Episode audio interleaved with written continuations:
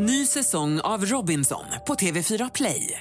Hetta, storm, hunger. Det har hela tiden varit en kamp. Nu är det blod och tårar. Fan händer just nu. Det. är Detta är inte okej. Robinson 2024, nu fucking kör vi! Streama söndag på TV4 Play. Efter en tung vecka avslutar vi med härlig energi i Fotbollsmorgon fredag. Ludvig Mår, vår husjurist, gästar och berättar bland annat om det nya Fifa-regelverket. Sen lite senare i programmet då kommer Emil Moberg Lundén hit och berättar om sin otroligt häftiga resa ner till Kenya där han är så nära att uppfylla sin stora pojkdröm att bli fotbollsproffs. I studion har ni mig, Julia Ekholm, Robin Berglund och Fabian Ahlstrand. Välkomna! Fotbollsmorgon presenteras i samarbete med Oddset, betting online och i butik. EA Sports, FC 24.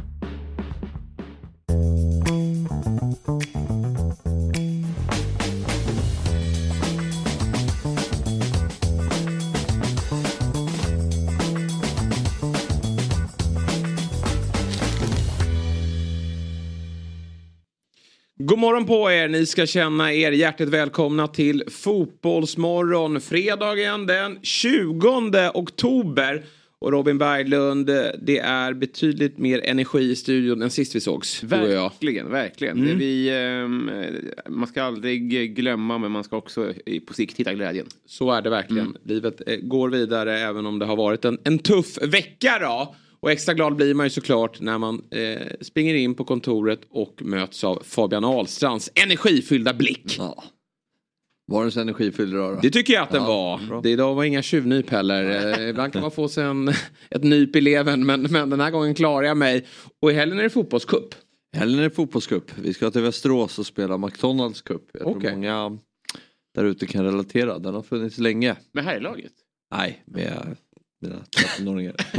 alltså, Kalle Cup för 40-åringar. Ja, verkligen. Men eh, annars är förknippar jag Västerås med Aroscupen. ja, såklart. såklart. Det är den stora, Det är den men stora. Eh, det här är någon vinter, vinterupplägg kanske. Då. Vilka är det som, vilka är det som eh, arrangerar Arscupen? Är det Franke? Forward. Vet jag. Nej, Nej. Det, den har jag spelat. Det finns en turnering i Örebro också. Ja, det är, Forward det är i Örebro Club, Dum, ja. Just. Ja, eh, jag vet faktiskt inte vilken. Jag har faktiskt aldrig spelat Aroscupen men där i Örebro har jag spelat. Eh, Okej, men det är alltid kul med kupper och, och det är gympasal och madrasser då eller som man ja, på, eller men- checkar du in på hotell. ja, inga kommentarer. Nej, det kan bli så. Nej, men det gör du rätt i. Det är klart att du ska bo på hotell. Eh, så att alla som bor i Västerås då, då tar man sig till eh, idrottsplatsen, ja, var det nu är då, i, i helgen. Och så följer man Fabbes eh, 13-åringar. Man se om staden har börjat liksom leva sig in i den allsvenska kostymen Ja, redan. precis. Redan är där mentalt. Får gå- ut och ta pulsen i stan. Ja, se om du ser det från Steam-terrassen.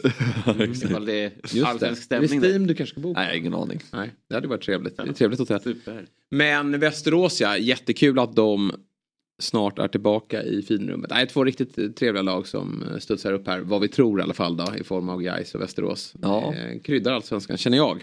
Vem Kalle Karlsson åker på sin första motgång i livet.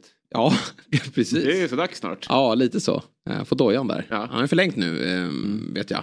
Och eh, som du säger, han har... Det har inte varit guld, helt guld och gröna skogar hela tiden. Han har varit där. Det har ju varit några motiga säsonger på undre halvan och, och fått kämpa Jo, men ändå har väl inte funnits så mycket förväntningar på Västerås kanske va? Kanske inte. Det kan du ju du bättre än än oss. men, jag, gillar, inte Nej, när du men slår ner, jag alltid- gillar inte när du slår ner på Robins det där när han kommer med ett härligt en härlig spaning. Nej, men jag tänker, alltså, de brukar ju alltid göra det bra i Svenska cupen. Just det. De Tog väl sig till semifinal för, det är väl 20, för två år sedan. Mm. Och då tänkte man ju nu är det väl dags för Västerås att ta steget upp. Men det är ganska motigt i, i Superettan. Minns inte alls att de tog sig till semifinal men det stämmer Det säkert. var ju den gången när Sean, vår vän, Just det. avgjorde kvartsfinalen mot Degerfors. Och dagen efter är han klar för Degerfors. Kommer jag inte heller ihåg. Nej. Kommer du ihåg det? Nej. Nej. Minnet är kort men bra. Ja. Vi har den 20 oktober idag.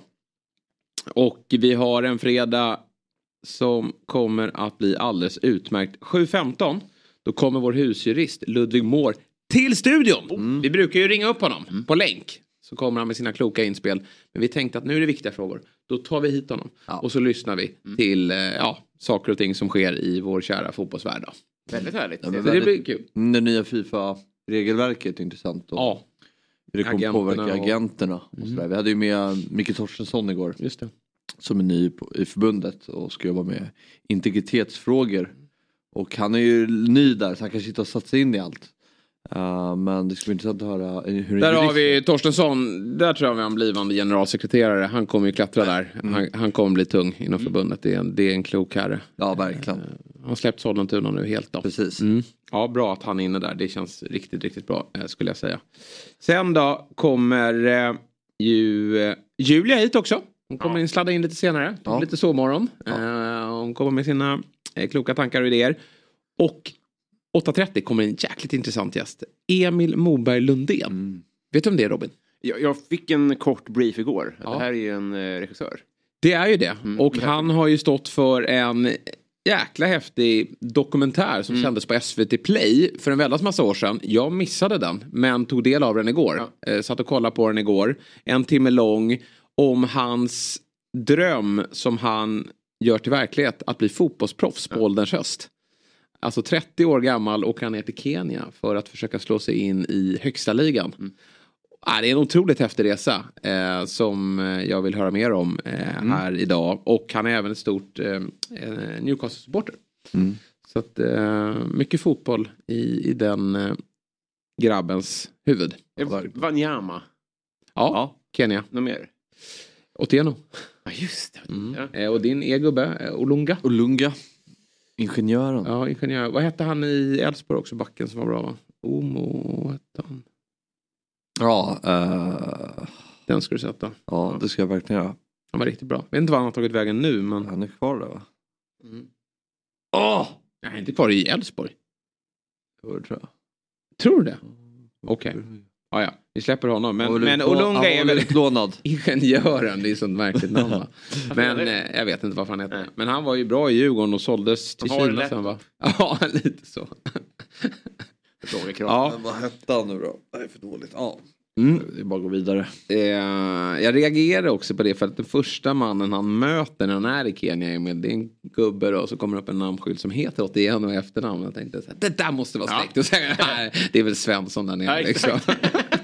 Vad ja, verkligen. Ja. Ja, det pappa. ja, ja. ja, nej det är sällan så det blir. Hörrni, vi eh, har ett födelsedagsbarn som heter Jakob Hellman. 58 år gammal. Vad har du för relation till honom? Eh, Varm eh, relation. Jag har sett honom live flera gånger och eh, tycker mycket om honom. Eh, litet- Han är ju lite ett eh, enigma i svensk musik. Han försvann ju under väldigt många Ja. år. Han har väl, vad heter, vad heter albumet? Och Stora havet? Ja, precis. Och det är väl jättegammalt. Och sen har vi inte gjort så mycket mer. Och sen gjorde han comeback för fem år sedan. Okej. Där. Mm. Ja, bra musik. Ja, verkligen. Han gästade ju Allsång på Skansen här i eh, somras va? Mhm. Eh, och eh, Jag kom på vad han heter. Okumu. Okumo, ja för det står ju här nu också. Du har väl sett det. Nej. De skrev det här. Är han i Elfsborg? Men hur ska jag se Vet det inte. härifrån? Nej men det, det är alltid så. Du, Ja, det är väl ett mirakel. du är bra på, du måste vara riktigt bra i skolan på att fuska alltså. Va? Kan kan han någon gång? Ja herregud, du kan ju liksom dina Du hökögon. är överläkare. Ja. Ehm, han lämnade, det hade jag i alla fall rätt, 2021 ja. Det hade varit väldigt konstigt. Och han är i franska ligan, Reims. Är ni? Han var bra, kommer jag Fuskare ihåg. ur det då? Att han inte var kvar? Han var inte kvar i Elfsborg. Nej. Ja, det är beklagligt. Alltid kul när Fabbe har eh, fel då. Men vi ska titta på ett klipp va? Från eh, Jakob Hellman när han eh, kör en låt som jag har bra koll på. Astrid Lindgrens låt Du kära lille snickerboa. Det är på min nivå. Ja, härligt. Här åker. Vi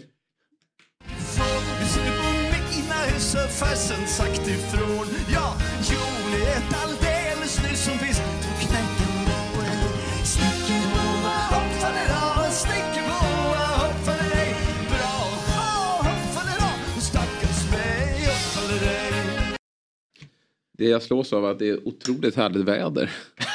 Ja, verkligen. Ja, Först det där var inte bra. Nej, det var lite märkligt. Men han kan bättre. Verkligen.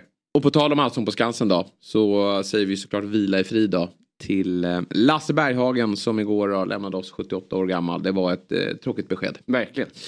Eh, Eh, eh, Har vi någon fotbollskoppling där på rak arm? på Lasse? Ja. Nej. Han känns ju Djurgården. Ja. Jo men Bosse la ju ut en tweet såklart. Ja. Och det är ju Bosses favoritlåt. Ja. Eh, tog av sig sin kavaj. Mm. Eh, Den heter vi inte nej den heter ju inte så. Ja, jag vet. Jag kom på det faktiskt också. Jag kom på det också. Att den inte heter det så att inte folk slaktar mig. En kväll i juni. Eh, och eh, ja precis. Nej jag ska inte göra bort mig mer. Vi tar Nej, det är oss lugnt. vidare och eh, i onsdags så trillade vi över en bild som gjorde oss väldigt glada. Eh, fotbollsmorgon Favoriten har han tydligen blivit. Eh, FCZ-legenden Tore Kullgren publicerade en bild. Eh, Är det landslagströjan? Ja, eh, vi ska ta och kolla på den. Här har vi. Och då undrar man, vad är det för landslagströja han har kommit över? Exakt vad jag undrade. Min landslagströja är han tydlig med här. Det där är ju ingen landslagströja, Tore. Vad är det? det står något, det är något, något klistermärke på magen. Ja. Kanske är spons. så att- Ja, men den där har han fått på något eh, gig när han ska gästa någon typ av landskap. Sverige, Makedonien 2011. Ja.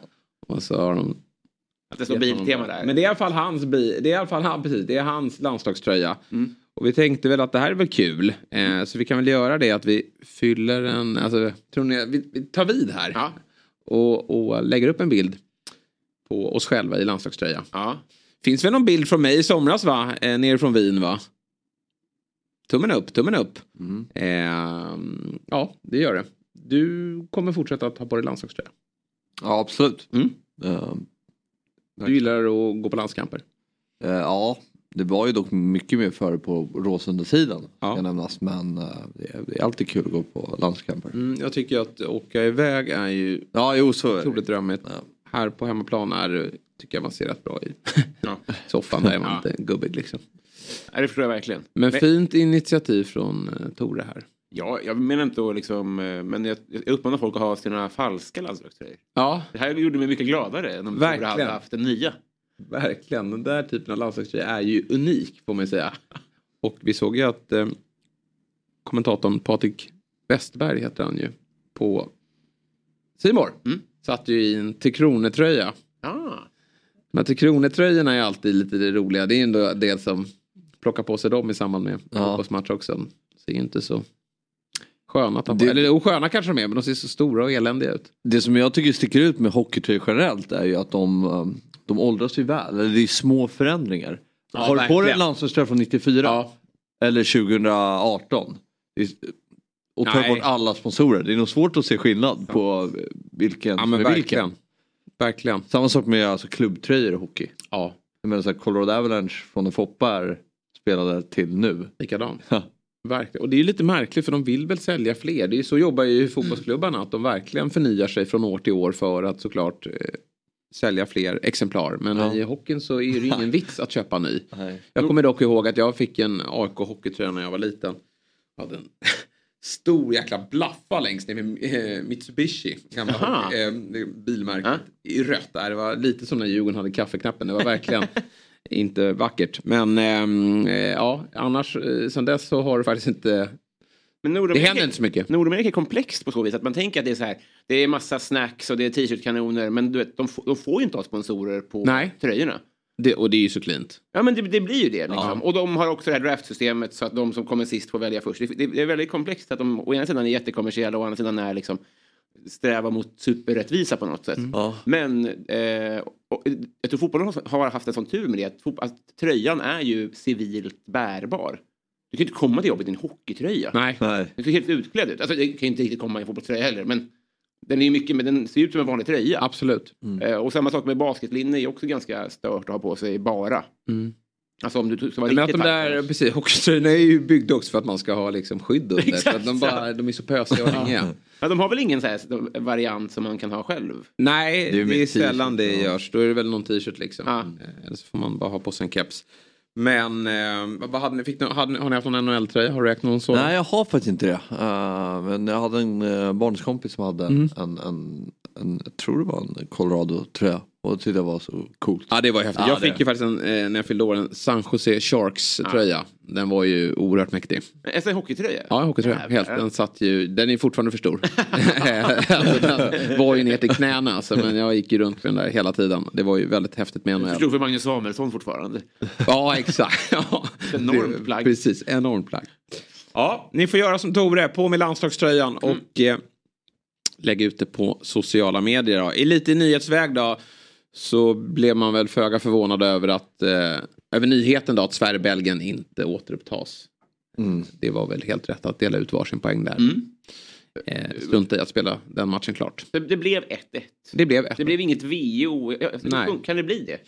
Hade Sverige kunnat lämna ett VO? Ja, jag vet inte. För jag hade ju hellre sett VO än en halvlek till. Ja, jo det hade kun, kanske kunnat bli så. Jag vet inte vad, det hade ju, tror jag om, om Uefa inte haft taktkänslan här och valt att den här matchen ska spelas vidare. Mm. Då, då tror jag att det kan bli ganska problematiskt om Sverige inte dyker upp. Alltså. Kanske det. Eh, det tror jag, men jag vet inte. Böter och skit. Ja. Det man, jag vet inte, nu är det väldigt, det, det, det är inget man ska, ja, det, var inte, det är inte relevant då men jag, tänk, jag tänkte lite på det så här och, och hoppas, hoppas inte Uefa nu ska in och snacka om att den här matchen ska spelas om. Nej. Eller, för, så här, jag tänkte så här, rent potentiellt att man bara går in till andra halvlek och bara nuddar bollen i avspark Ja. sen bara går av planen och bara låter matchen ticka. Ja, så skulle man Just det.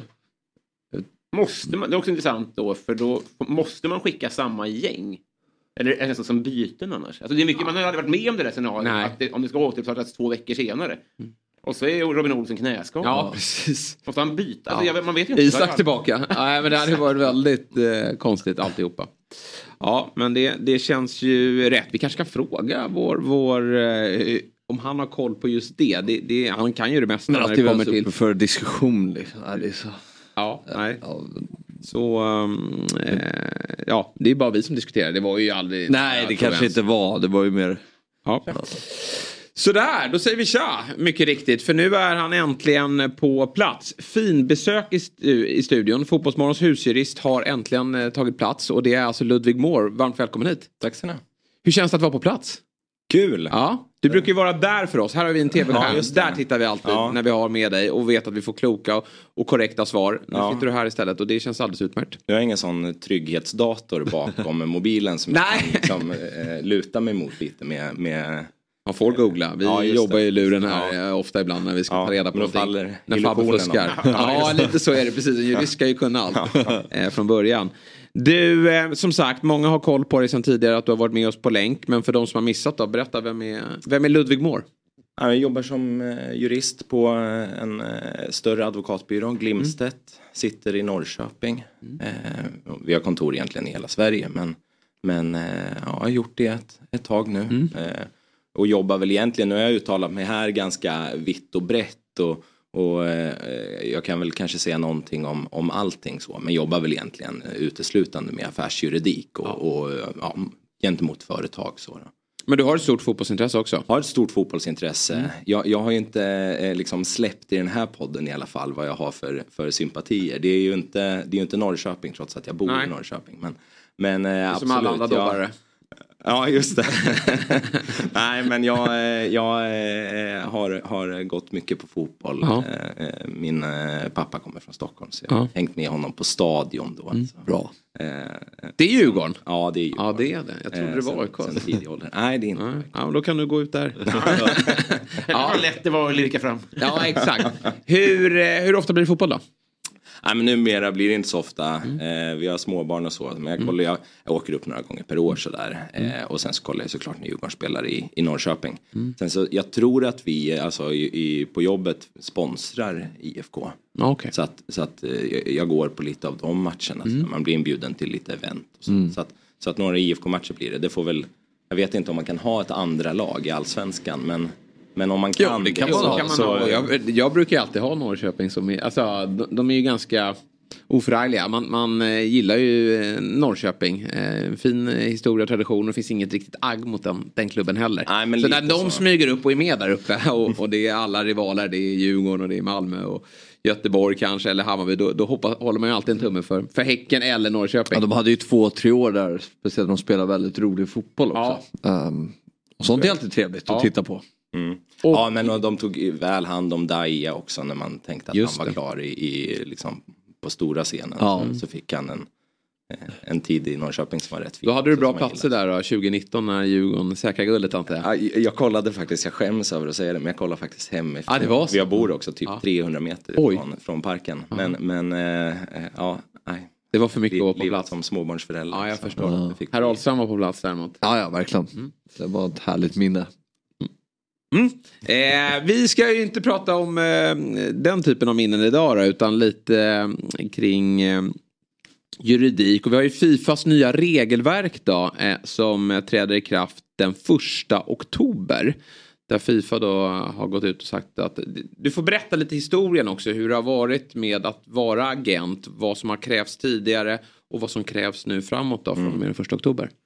Ja, men tidigare så var det så, man hade ett, ett regelverk, egentligen så har man väl haft eh, olika typer av regelverk sedan i början av 90-talet och så har de eh, modellerats och, och justerats. Men eh, 2015 så släppte man egentligen allting från Fifas sida. Man, man, eh, jag ska inte säga att man, man tog bort alla krav, några fanns det fortfarande. Men i praktiken så blev det att man droppade precis allting. Så det blev liksom vilda västern istället på, på fotbollsscenen. Och i, eh, I Sverige så, så försökte man justera det där några år senare. Jag tror att det var 2018 som man införde någon form av, av registrering och, och man skulle vara certifierad och lite sådär. Särskilt om man skulle företräda yngre fotbollsspelare.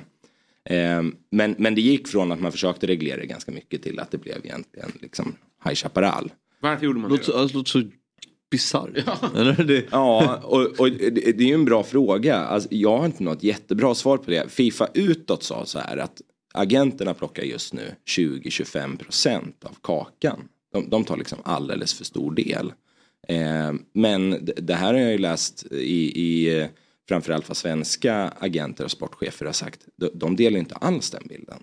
Utan de säger att här, vi snackar liksom 5-10%. Eh, det här handlar bara om att Fifa orkar inte hantera allt mer jobb som kommer av att man ska ha en reglerad agentverksamhet. Eh, så, så vem som har rätt i det där, det vet jag inte riktigt. Eh, min uppfattning är nog att, att det har legat runt 5-10% liksom i, i kickback till agenten eh, i Sverige. Men Fifa spänner ju liksom bredare än så. Och, och de agenterna som uttalar sig i Sverige, jag vet inte hur aktiva de har varit.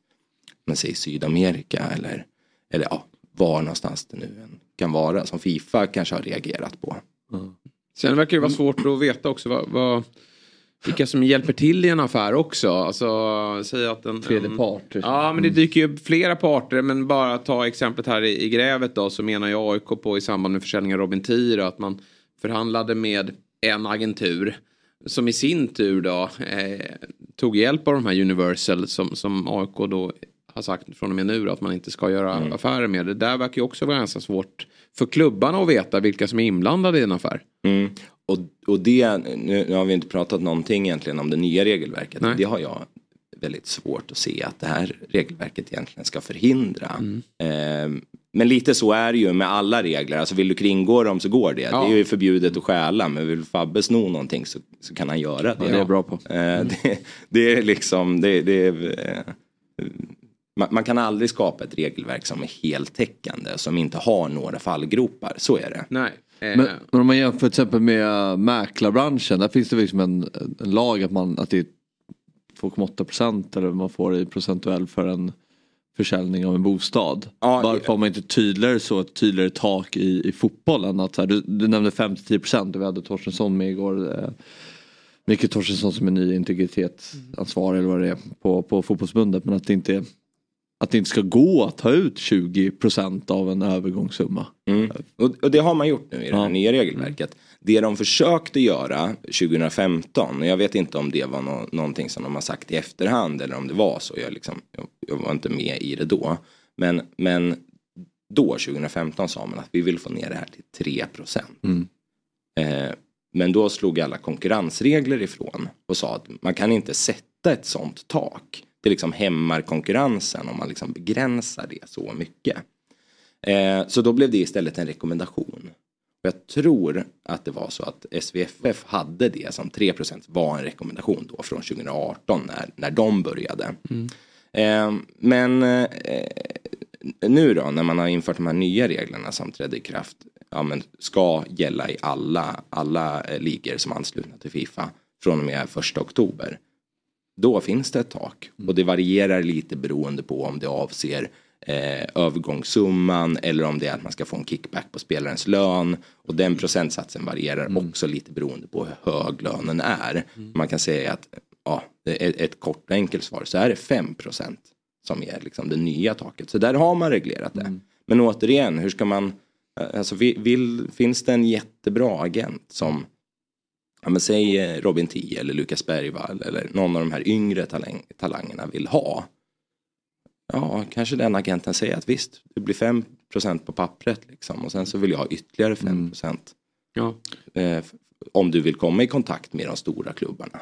Men vad finns det för fördel att övergå till en liksom, spelarlönsmodell? Att en agent får... Som i hockeyn va, har jag Ja, förstått att det ja. funkar så va? För där är det ju inte lika övergångsdrivet heller. Det finns ju inga övergångssummor att prata om i, i, i lika stor utsträckning. Nej men jag tänker då så här, men ä- agent, eh, alltså vad finns det för fördel med det? För jag tänker att en agent kanske vill sätta en spelare då i en klubb där spelaren tjänar 500 000 i månaden kontra 250 000 i månaden trots att det alternativet med 250 000 i månaden är mycket bättre för den sportsliga karriären. Jag förstår, man kan ju påverka eh, via den vägen också för att det är en ekonomisk vinning för agenten själv. Ja, nej, men och där, det får väl bli spelarens ansvar då. Ja. Att försöka pusha det. Jag ska bara nämna det också att, att de här olika procentsatserna som förhåller sig i förhållande till eh, övergångssumma eller lönen och lite så. Det har att göra med vem man företräder. Alltså, om en agent företräder spelaren, ja då är det eh, baserat på vilken lön spelaren har. Företräder man till exempel då säljande klubb så kan det vara eh, eh, ja, vad, vad den säljande klubben får då i, i övergångssumma. Och då jag kan inte det på rak arm, men jag tror att då är taket kanske 10 procent eller något sånt där. Men när det kommer till kickback som man tar av spelare, för jag uppfattat att det är där liksom skon klämmer lite, det är då snackar vi 5 procent. Okej. Mm. Men eh, det här nya testet då som ska genomföras. eh, Har du någon mm, information kring det? Hur, hur omfattande det är och hur svårt det är att, att, att lyckas? Ja, jag har inte Bli godkänd? Ja, jag har inte sett testet, men jag såg Nej. någon siffra om att det bara var drygt hälften av alla svenska agenter som försökte första gången som presenterade som klarade det. Ja, har också hört att det har varit en Ja, hel del som jag, har jag läste fått 52 problem. procent någonstans. Men jag, jag, jag ska inte ta gift på att det är så. Men, Mm. men i vart fall otroligt många. Sen vet jag inte riktigt om det är liksom de här lite mer erkända eh, agenterna som, som gav sig på det. Eller om det liksom var eh, vem som helst som jag tänkte, äh, jag, jag testar. För det verkar vara nice att vara agent. Ja, precis. Eh, det, det vet jag, jag vet liksom inte vad, vad, vad den här gruppen bestod av. Men det är ett kunskapsprov. Ja. Men räcker det att eh, klara testet så har man en licens eller måste man gå några kurser och vara med i någon anmälan? Ja, men i princip så är det det som är den stora saken. Det finns lite anmälningsavgifter och sånt där som ska vara. Och sen ska man Ingen, ju följa... Inget krav på erfarenhet eller så? Nej, förut så hade man ju det här kravet som man, som man eh, att du skulle vara typ en hyvens kille. Ja. eh, och och det, det kravet är ju... Hur många liksom- klarade det? Ja, det kan man ju ifrågasätta. Ja, man skulle, och, det- vad, det betydde var ju också helt oklart. Man, man skulle typ inte vara dömd för sexualbrott och, och eh, ekonomisk brottslighet. Jag kan nämna fler personer som inte når upp till hyvens. Eh, så- Ja. även om de inte omfattas Just av det, det. Men, ja. eh, men, men, eh, eh, nej, men det, det jag, jag ska inte på något sätt förminska det här provet. Det, det är liksom ett, ett, eh, tungt krav. Eh, men, men det är liksom den stora grejen för att, för att få bli agent. Ja, och som sagt, det har då trätt i kraft här nu då, eh, från och med den eh, första oktober. Men jag bara tänker att man, man ibland, jag följer de där kontona ibland eh, på Instagram och då ser man det är ganska många bakom. Det är, det är ganska stora verksamheter. Jag får känslan av att det räcker någonstans med att det kanske bara är en som plockar det där testet. Och, och sen finns det massa runt omkring så kallade springpojkar som, som håller kontakt med spelarna och, och sitter och diskuterar med klubbarna. Det är väl svårt att fortsätta att stoppa det kan jag tänka mig. Ja men så är det ju. Eh, det här regelverket säger att man får eh, bara hantera den här typen av, av frågor. Alltså eh, att man får, får hantera övergångsfrågor om man är agent och då har klarat provet. Då. Och dessutom är det så att den agenten är personligt ansvarig för alla som jobbar då till exempel på den här agentbyrån eller agentfirman eller vad jag ska kalla det.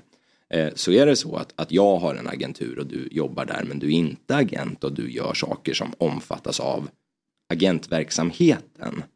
då drabbas jag av det. Jag, jag har ett ansvar för dem runt omkring mig. Och det skulle man väl kunna se som ett kanske ett effektivt påtryckningsmedel då mot, mot agenterna. Att man, man är inte villig att ta den risken för att Jesper ska kunna liksom hjälpa till i en övergång med konkret liksom, agentverksamhet. Vi har ju också fått ta del av i den här granskningen då och det var väl ingen nyhet kanske men agenterna kliver ju ner ganska lågt i åldrarna för att knyta till sig guldkornen i tidig ålder. Är det ingenting som reglerar det? Liksom när, hur gammal, finns det någon nedre ålder som, som eh, reglerar att man inte kan ha någon agent? Man eh, får approchera, alltså man får ta kontakt med, med eh, eh, ungdomsspelare ett halvår innan de kan skriva sitt proffskontrakt. Eh, så det, det beror ju på då vad, vad liksom det nationella regelverket säger. Jag tror att Sverige, det här har ni bättre koll på än vad jag har, men jag tror att det är 15 år som man kan skriva första proffskontraktet. Så då får en agent ta kontakt första gången, eh, ja, ett, ett halvår innan när du är 14 och ett halvt. Innan det får du inte det. Men, men återigen, vi- vill någon göra det så kan man göra det. Approchera är ju inte binärt. Nej, nej men precis och, och, och ja, exakt. Vad, vad är det ens? Det, det är inte... Snöboll på. Ja, nej, men skick, skicka ut pamfletter Ja, eller exakt. flygblad eller finnas på träningar där det finns de som är 14 och en månad och de som är 14 och sex månader. Det, det är ju liksom, det, det är ju väldigt svårt att kontrollera och, och ja. Men, men, men på något sätt då kunna knyta an sig, det får man i vart fall inte göra förrän det är ett halvår kvar tills du kan skriva proffskontrakt. Men känner du att det här är ett steg i rätt riktning med det här testet? Att man har tagit tillbaka det eller känner du att det där kommer inte hjälpa utan det kommer fortsätta att vara vilda västern? Nej, jag tycker att det är ett steg i rätt riktning. Det tycker jag verkligen. Eh, för att det finns, finns ändå så många, de, dels att det, det finns det här provet och man sätter krav på att man ska följa någon form av, i, i, i advokatbranschen så har vi att det finns regler på god advokatsed eh, när man, när man liksom bedriver sin verksamhet. Man får inte bete sig hur som helst helt enkelt. Nej. Och, och mäklare har, har motsvarande. Och, och i agentvärlden nu så kommer det också finnas ett sånt krav. Och det kravet kommer gälla överallt. Det kommer gälla liksom i hela världen. Så det är bra. Ett jätteproblem i det här och det här förstår jag det som att så gott som alla jurister, i alla fall i Europa, är helt överens om. Det är konkurrensfrågan. Alltså det som blev en fråga 2015 när man sa att det ska vara 3% Nu har man förvisso höjt det här något. Men det är fortfarande så pass konkurrenshämmande att det finns de jurister som, som eh, eh, höjer ett varningsfinger om att ja, men det, det kommer inte gälla. Tyskland och Frankrike har inte infört det här än. För De vill vänta in och se. Är det här i strid med dels nationell lagstiftning, dels EU-rätt? Eh, och jag vet David Mikael som är en gammal kursare till mig som, som utbildar sportcheferna i, eh, i det här. Eh, han, säger det att ja, det finns stor risk för att det här kommer falla redan nästa år. Alltså vad menar du med falla? Jag, Ja, att det inte kommer vara giltigt. Att man inte kan ha de här lönetaken. För om man ska peka på den enskilt viktigaste saken i det här nya regelverket skulle jag säga att det är lönetaken. Eh, eller ersättningstaken för agenterna. Om det inte gäller, då är man tillbaka till att agenterna plockar för stor del av kakan. Alltså det som man tyckte var ett problem redan 2015. Ja. Ehm, men det, Men det så- också, jag undrar hur mycket sign-on är, kan de ju gå på också. Det där går ju också att förhandla till, sig till liksom att fördela sign-on och lön. För det är väl inräknat också i, i ersättningen? Ja, eh, och, och jag, jag får faktiskt passa lite på hur Ja. man delar upp dem. Det finns en ganska snygg tabell som man kan kolla på när man förstår tydligt så vad, vad eh, de olika ersättningarna ska sorteras in i. Alltså bo- bonusar, lön och, Mm. och vad, vad är lön ens? liksom, hur ska det definieras och, och sådär. Men, men, eh, men eh, jag skulle nog ändå säga att man har täckt in det, det som man på något sätt kan få ut av en klubb. Det, det faller in under de här begränsningarna som en agent kan plocka. Jag, jag, förstår fortfarande inte. Du säger nu kanske, jag, jag anmärker inte ord här men när du säger konkurren, konkurrensen hämmas. Vad, vad menas med det? Att den, Ja, men det finns, finns, dels finns det liksom nationella eh, lagar som säger att man får inte sätta ett tak på hur mycket man får Nej. ta betalt för någonting till exempel. För då finns det inte lika mycket incitament för företagare eller branschorganisationer att, att driva på och bli bättre. Så då kan man inte ha ett sånt tak på att nu eh, ta ett helt annat exempel som, som inte är konkurrensbegränsat men att inga bilar får kosta över 150 000 kronor. Nej, ja, nej, som nya. Där, med. Eh, för då är inte Elon Musk och de andra biltillverkarna intresserade av att göra svinbra bilar. där är vi, och, och samma sak har man sagt här då att agenter kanske inte är eh, så intresserade av att, att jobba mot framförallt då eh, spelare som drar in lite mindre pengar om de bara får 3 till 5 procent. Jo men 3-5% är ju mer om, det, om du sen spelar för en miljon än 100 000. Så är det ju. Eh, eh, men men det, det är det man försöker reglera i det här, skulle jag tro. Eller det är det som konkurrensrätten försöker reglera i det här. Eh, om man ska vara lite konkret då. Det här kanske inte är ett jätteproblem i toppklubbarna i allsvenskan att man sätter det på 5%. Men ta ett lag som Degerfors eller ta ett lag som, som spelar i superettan. Där ett, jag, jag har ingen koll på vad, vad snittlönerna i superettan ligger på. Men säg att det är 300 000 som du får om året. Ska en agent då lägga jag, jag har en kompis som spelar i, i eh, vad fan spelar han nu förresten? Eh, Samuel Kron, han spelade i BP förut. Han spelar i Örebro nu. Ehm, han han eh, eh, har ju betydligt mer kontakt med sin agent än bara vid övergången. Ja, det är så och ska den agenten då vilja ringa för Ja, att motiveras och, att och, jobba. och prata Mm. och sådär.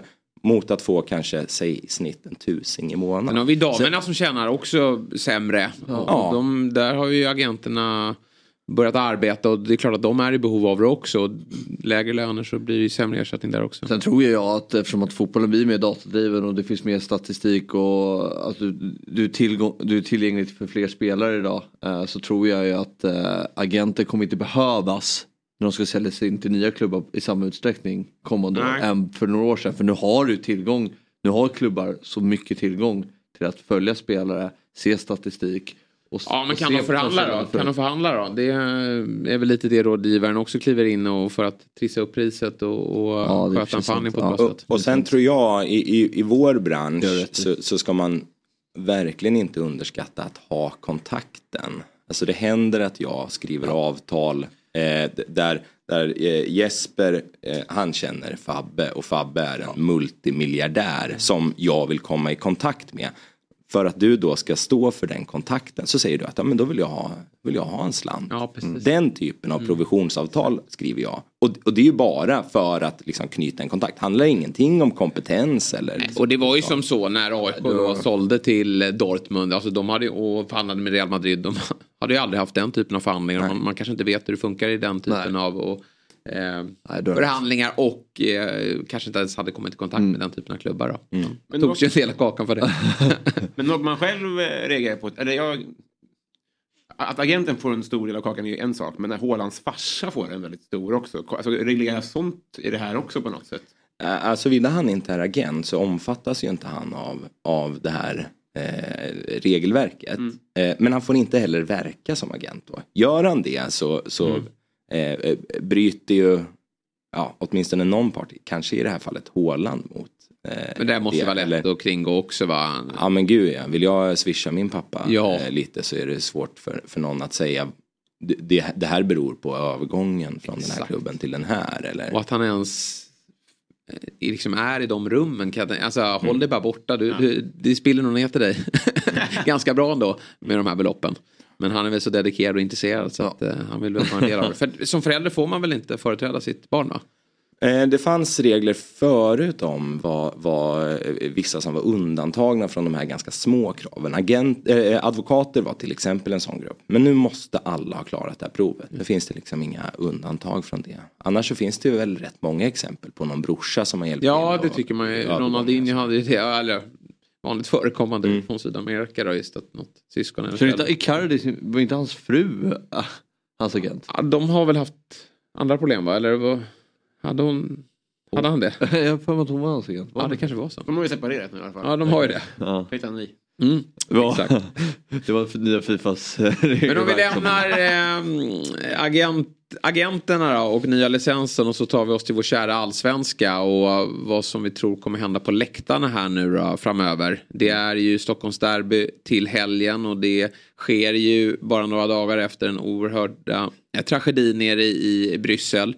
Och vi har höjt terrorhotet här. Tror att det kommer bli någon skillnad i samband med de allsvenska matcherna nu när jag, gällande visitation och ordningsregler? Eh, ja men det kan man väl inte utesluta att det skulle vara så. Jag upplevde att det var en skillnad. Det kanske pratades någonting om här i, i tidigare i veckan av program. Att man märkte en, en viss skillnad i alla fall när man höjde eh, hotnivån eh, för några månader sedan. Att då märkte man lite mer liksom, närvaro från polis och, och, och eh, ordningsmakt. Så. Eh, jag kan absolut tänka mig att det kommer vara eh, högre grad av, av visitation eh, i, i samband med kanske egentligen alla matcher men i synnerhet då när det är eh, storlagen som spelar. Eh, ja framförallt då eh, när, när Bayern och Djurgården möter varandra. Mm. Hur upplever du de allsvenska läktarna för dagen? Känner du att det är eh, en eskalerande situation? Att vi har större problem än tidigare? Eller är det... Jag, eh, jag vet liksom inte nyktert jag kan svara på Nej. det här. Jag, jag har två barn nu och förut så stod jag liksom i klacken och vrålade och tyckte bara att allting var kul. Jag, jag liksom gillar läktarkultur eh, och jag ska vara lite försiktig eftersom jag ändå liksom företräder Glimstedt här då, men, men med att säga att jag tycker om pyro. Ja. Men, men det gör jag. Ja. Eh, Personligen gör jag det. Glimstedts då. Glimstedt. nej men, men, eh, nej, men jag, jag tycker att det är kul med en levande läktarkultur Ja. så länge det hålls inom liksom rimliga gränser. Sådär. Men, men numera så jag är inte så säker på att jag vill plocka med mina barn på, Nej, visst på har det förändrats sen man fick barn? Alltså, jag, Ja, eller ja, och om det är det eller att det är som du är inne på i början där att det har eskalerat, det vet inte jag. Nej. Vågar liksom inte svara på det. Men, men, men gissningsvis så, så det, det är väl liksom alltid stökat. Jag var på Söderstadion när de sköt fyrverkerier liksom. Mm. Det, det var ju rätt stökigt det också. Det var ju skottlossning inne på eh, Råsunda Mm. för ett gäng år sedan. Så det, det har väl liksom alltid varit. Men, eh, men eh, nej, det, det är oavsett om, om det är oförändrat eller inte så, så finns det väl skäl att man kanske ska visitera lite noggrannare. Mm. I synnerhet nu, om inte annat för trygghetsskapande effekter. Ja. Eh, SEF hade i augusti ett möte med regeringen om säkerhetsläget på de svenska läktarna och punkter som togs upp då var ju användande och rätt till filmmaterial och längd på avstängningar. Vad tror du kommer ske där då? För som sagt, det, det bränns ju eh, en hel del på läktarna. Eh, vad eh, kommer ske med eh, förövarna i, i, på svenska läktarna? Ja men det finns ett, eh, man, man måste hålla många saker i huvudet eh, samtidigt här. För att å, å ena sidan så eh, har, har polisen liksom ett utredningsansvar i, i det här. Och, och det pratade vi om för eh, ett gäng gånger sedan när jag var med eh, efter AIK, Djurgården, när, när det var derby där och blev stökigt på, på Tele2. Eh, för polisen har ett utredningsansvar och kanske då ska ha eh, förbud för, för vissa personer att komma in på arenan. Och, och vissa personer kanske ska straffas då för, för eh, framkallande av fara för annan eller misshandel eller vad det nu kan vara fråga om. Under den perioden som polisen utreder det här så är det typiskt sett förundersökningssekretess. Det gör att klubbarna får inte ta del av filmmaterialet. Där vet jag att eh, är Kock han heter, eh, AIKs Ja. säkerhetsansvarig. Henrik. Jag har för mig att det var han som var ute och pratade om och sa att vi stänger gärna av aik eh, eh, alltså supportrar. Men vi får inte kolla på filmerna, Nej. vi får inte kolla på dem. Så, att, så, så vad, då, då är klubbarna ju liksom bakbundna av det här. Eh, fram tills dess att, att åtal är väckt eller att man lägger ner åtal. Och då får klubbarna tillbaka filmerna och först då kan de börja agera. Eh, så att det, är- det är liksom en process som hackar lite i att klubbarna kanske vill agera mot supportrar som missköter sig på arenorna. Och, och ha sån arrangörsavstängningar som de kan ha upp i, till två år. Eh, men, men polisen behöver ju samtidigt få utföra sitt arbete utan att alla ska kunna ta del av det här materialet när, de, när det behöver vara sekretessbelagt. Mm. I, eh, på engelska läktare eh, så vet vi att eh, de införde kameraövervakning. Tror du att det kommer att ske på de svenska läktarna på så sätt att vi kommer kunna nyttja materialet till att just stänga av personer? Ja, jag uppfattar nog ändå att det i viss utsträckning redan sker. Alltså Ja, man tar del av, men då kanske det inte är kameraövervakning i den bemärkelsen. Utan Men hur ska man kunna sätta del- dit dem då när de står maskerade och... och... Ja men det är, ju, det är ju jättesvårt. Jag tycker att det där är en, en eh, väldig balansgång också. Eh, alltså jag, jag tror att det är få som har stått i klacken. Och, eh, jag, jag, liksom vet inte riktigt hur mycket ni har varit i klacken. Men ändå, Jodå. eh, eh, man vill ju inte ha polisen i klacken. Nej. Så om det är någon som drar på sig en, en eh, huva eller gömmer sig under en, en, en flagga för att liksom klä på sig Mm. kläder som man inte kan identifiera. Man vill, det triggar ju publik om polisen kommer upp där. Ja, det är Samtidigt inte- så är ju, det är ett, det är ett brott, du får inte maskera dig och du får inte bränna bengaler. Så det är jättesvårt eh, hur, hur man liksom ska komma åt det här. Det har ju diskuterats om man ska ha ansiktsigenkänningsdelar för det är väl nästa del i det. Om man väl stänger av dem, hur ska man kunna efterleva det? Alltså, nu är väl ni liksom kända ansikten i fotbollskretsar men jag tror inte att någon hade kunnat plocka mig liksom i, eh, i entrén om jag var avstängd. Nej. Känner liksom inte igen Nej, men Så- precis. så det är nästa del i det. Ja. Eh, om om man då ska ha ansiktsigenkänningssystem som ska kunna eh, kontrollera det här. Och så har vi GDPR på det också som väl försvårar allt. Så är, det. av. så är det. Där måste det finnas ett lagligt intresse för att man ska kunna eh, eh, ja, lagra personinformation och, och eh, bilder på personer är, är den typen av information. Men det ska finnas ett lagligt intresse. Kanske det i och för sig gör här då. Men, men visst, så är det. Det är liksom inte bara att genomföra utan, utan att analysera vad man får göra. Jag är ju rädd för att eh, om, om, problemen fortsätter på läktaren och då menar jag inte med, med pyroteknik så utan att det börjar att det kastas bengaler mellan läktarna som det gjorde i derbyt på Tele2 eller att man tar sig, tar sig över på läktarsektioner och börjar slåss. Det är ju att det värsta tänkbara att borta supportrar förbjuds på matcherna. Och, och då dör väldigt mycket i, i svensk fotboll. Ett, jag kan inte tänka mig ett derby utan motståndarnas kortsida. Är det eh, rimligt tror du, är det scenario att, att det är nästa steg för polisen att införa? Ja, eh, jag, jag tror inte att det behöver ligga alldeles för långt Nej. fram. Det har väl I varit- Danmark är de väl igång med det? Ja, det Ja, är i jättemånga. hockeyn har man väl, eh, jag vet inte om det har varit så i Djurgården och AIK-matcher. att Nej, det var nog bara där AIK fattade ett litet korkat beslut va, tror jag. Att de, eh, att de inte ville ha några borta supportrar va? Ja det var någonting i Ja. hockey. Men sen att de ändrade sig. Så det var, det var, Ja, det var AIK så som klubb som fattade Ja, det ja, beslutet. just Men sen blev det Nu- jäkla Nu ja, men, men jag tänker på ett gäng år sedan när de Ja. möttes i någon, eh, om det var i någon, någon slutspels... Ja, det, jag ska Ja. Mm. inte säga mer om det för jag är osäker på det. Men, men eh, frågan väcks ju. Ska man få ha borta supportrar Mm. eh, på, på högriskmatcher? Men jag håller med, det är ju liksom hela USPen. Eh, jag som djurgårdare, min bästa kompis och AIK, händer att jag hör av mig till honom när det går dåligt för AIK för att det är lite Mm. kul. Jag vill ju absolut inte att de ska åka ur. Jag vet att du vill det. Men det är ju liksom byta AIK mot Utsikten. Ja, det är ju liksom, ja. Nej, men det där är ju... Nej, där, där får jag nog faktiskt. Bra, slipper du borta supportrar. Hemma också. Ja.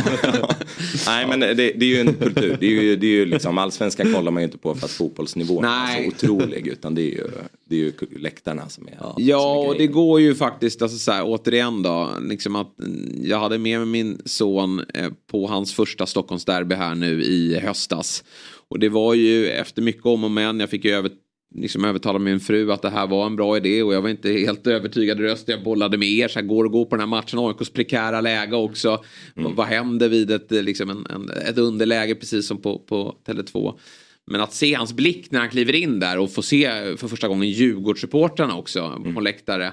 Och AIK-supportrarna där. Nej men alltså det var ju eh, eufori liksom. Eh, sen att det blev en seger, det var ju fantastiskt. Men, men bara att få ta del av den inramningen.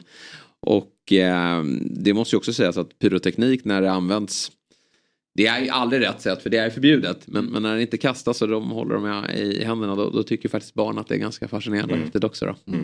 Eh, ska sägas. Så att eh, ja, det, det är ju det man vill åt. Att, att de ska hålla sig inom vad de gjorde i den matchen liksom. Med, med fantastiska tifon och, och, och bra sånger och, och så. Men ibland går det över gränsen och då, då är det inte lika kul att stå där med en, med en femåring. Nej, nej men så är det ju verkligen. Du Ludvig, vad kul att ha dig här på plats. Verkligen. Det var en, eh, var en snabb halvtimme och, och vi kommer ju att fortsätta att ringa upp dig. För du, du har ju svar på det mesta. Mm. Ja men det är kul. Och det är eh, viktigt att, eh, för oss att eh, fördjupa oss i, i vissa frågor. Vi har, vi har inte koll på, Nej. på regelboken i, i alla lägen. Och hoppas du får behålla jobbet. Ja vi får Efter- se. Ja, precis. Ja. Annars får du jobba här. Ja, ja men det är bra. Jag är föräldraledig nu så vi får Ja, se ja, om men då- kontoret står kvar när jag, när jag är tillbaka. Ja, det är glömt. De klev är ut här, de, sa- de är för pyro. Ja precis. Kommer tillbaka och bytt kod, koden till låset. Eh, så vi, vi tackar dig Ludvig. Eh, och så passar vi på att ta ett kortare reklambreak. Och när vi är tillbaka då har vi Julia Ekholm här i studion.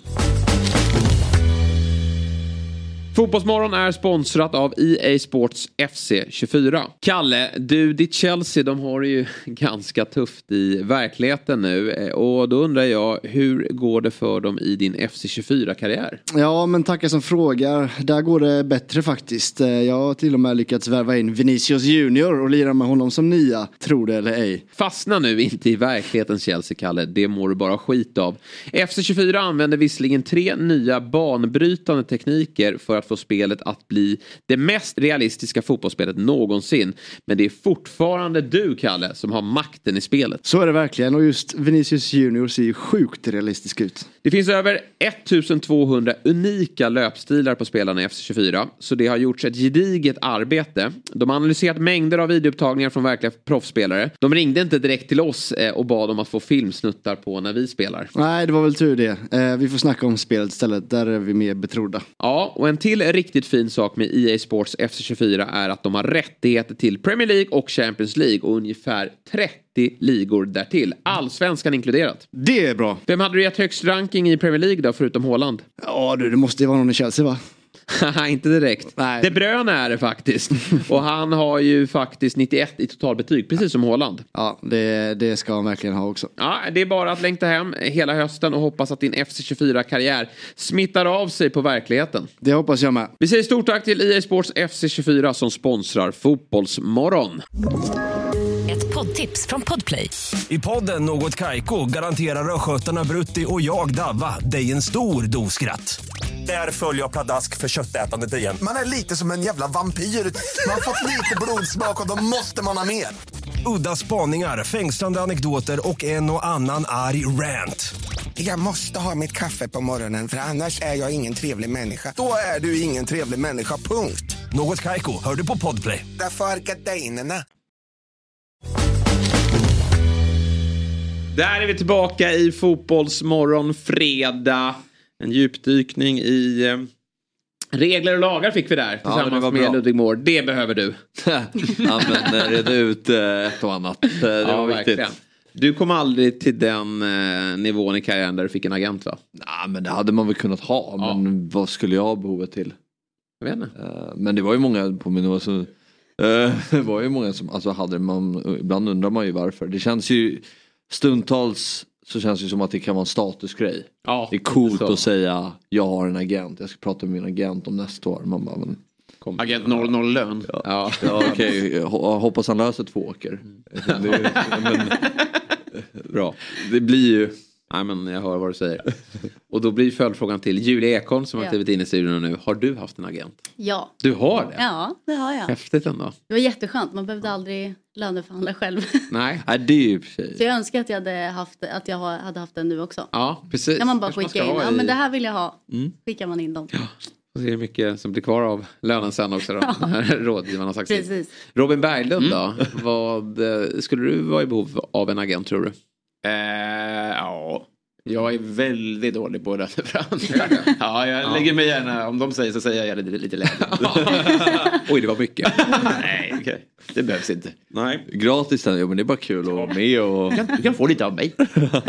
Jag betalar dig för att vara här. Och sen behöver inte du så mycket pengar för du brukar ju rygga mig på mina helgtripplar också. Precis. Vilket ju leder till att du behöver inte ha någon lön överhuvudtaget. Du är ju min agent. Ja. Det är du- ekonomiska rådgivare. Ja, jag löser så att du, Jag hoppar upp du på tar din det rygg och sen tar Ja. helg. För nu har det blivit dags igen då, eh, tillsammans med Svenska Spel, att kika till helgtrippen. Vi har ju våra dagar, det är någon dag där vi går igenom måndagsmatcherna och så är det stryket och så är det någon bomb här och där. Men är inte helgtrippen det mysigaste vi har, eh, Fabian Ahlstrand? Ja, men den är, den är härlig. Det är en eh, klassiker. Ofta väl motiverad tycker du också att den, den är. Ja, nej, men ofta. Det, är- det, det är exakt. Mm, och det har blivit dags för tre matcher där Julia Ekholm definitivt inte kommer kolla på någon av dem. Men eh, jag kommer nog att kika på åtminstone två av dessa matcher. Man ska aldrig säga aldrig. Man ska aldrig säga aldrig, någon gång ska bli den första. Ja. jag ska testa dig någon gång, mäta Ja, dig. och ja, men gör det efter Ja. den här så ska Ja. jag, jag ska titta. Ja, det är bra. Det är bra. Eh, tre matcher gäller och vi har nog alla faktiskt under lördagen. Vilket ju gör att man tar den här vinsten och så kan man hitta på något kul. Dubbla 16-0 matcher eller har vi utspritt? Eh, vi har dubbla 16.00 matcher idag. Manchester City-Brighton är ju en riktig höjdarmatch på lördagen. Då står du och fryser vid någon eh, konstgräsplan i Västerås. Men vi andra njuter av hjärnornas kamp då, mellan Pep Guardiola och eh, Roberto De Serbi. Jag eh, är nog inte ensam att tro att det här blir ganska målrikt. Eh, över tre och ett halvt spelas. Fin- Va? Nej. Nej, Du... Jag skulle säga under tre och ett halvt. Okej, ja, ja, då får man gå på Fabbes trötta trippel. Men Hoffmans helgtrippel, den är över 3,5 mål. Eh, City kommer att blåsa på nu. Nu måste de upp på hästen igen. Är Rodri tillbaka nu? Rodri är tillbaka. Så det är viktigt. Och eh, Haaland har ju eh, inte gjort mål här nu på två matcher eller vad det är, tre matcher. Och det, det funkar ju inte. Pinsamt. Pinsamt. Ja, faktiskt. Brighton har bara ett, eh, ett sätt att arbeta och det är framåt. Eh, Så att eh, här kommer det bli kämpigt. Nej, du tycker annat. Men... Vad blev det eh, mot Villa för Brighton? 5-1 va? 6-1. 6-1. 6-1 blev det. Och 2-2 mot Liverpool blev det här senast. Så det är ett målrikt lag. Eh, sen... Vad har jag sagt? Du kan gå ut. Ja, men att det, nej, det, Han är har inte, minus det, tre mål. det är inte det inga offensiva lag. Nej, precis. Arsenal vinner mot Chelsea borta. Ja, givetvis. Den är Ja, jag besviken trygg i. Saka har fått vilan här nu och börjar ljusna skadeläget. Jag eh, tycker Chelsea blandar och ger. De, de har gjort bra saker i år men också gjort en del svaga saker. Men de har inget, på toppen, eh, har inget med toppen att göra och det här är ett topplag som gästar. Och eh, Arsenal tror jag har ett riktigt bra facit också just på Stamford Bridge under Arteta. Där får någon gärna rätta mig eh, om jag har fel. Men, men eh, 2.30 det är för bra för att eh, undvika i detta London-derby. Ja, glöm det. Där är du med mig. Ja, nej men jag sa ju till Myggan igår, han har ju krysset med i stryket. Onödigt. Ta bort det. Ja, ta bort. ja, nej, men Ja, jag, flytta det till en annan match. Lilla, Det är- lilla sticken tvåan där. Exakt, Ja. det är givet. Men det, Chelsea, eh, eh, till Myggans försvar så har Chelsea släppt in typ tredje minst mål i ligan. Det, är, Absolut. det, det är inte, tycker inte jag varit känslan. De har släppt in sju mål eller något sånt där. Men de har dock haft ett väldigt bra schema Mm. här på slutet. Så nu kliver de in i det tuffare schemat. Väldigt många jobbiga matcher här nu framöver. Och då tror jag att det där försvaret får smaka faktiskt. Mm. Sen då, bara för att höja upp oddset. Men Nottingham Forest tycker jag är bra i år. De har visat det. Och Luton Town är inte särskilt bra. Så där är det, det är deppigt odds kanske. 1,68 just i den matchen. Men det har jag ju med bara för att vi liksom bara ska rätta det. Så att eh, totalt då så får vi en trippel 7,72 gånger pengarna eh, från Svenska Spel. Man kan rygga här uppe då i QR-koden snedstreck oddset går alldeles utmärkt också. Oddset är ju en produkt från Svenska Spel, Sport och Casino AB. 18 år gäller och upplever man problem med sitt spelande så finns stödlinjen.se till hands.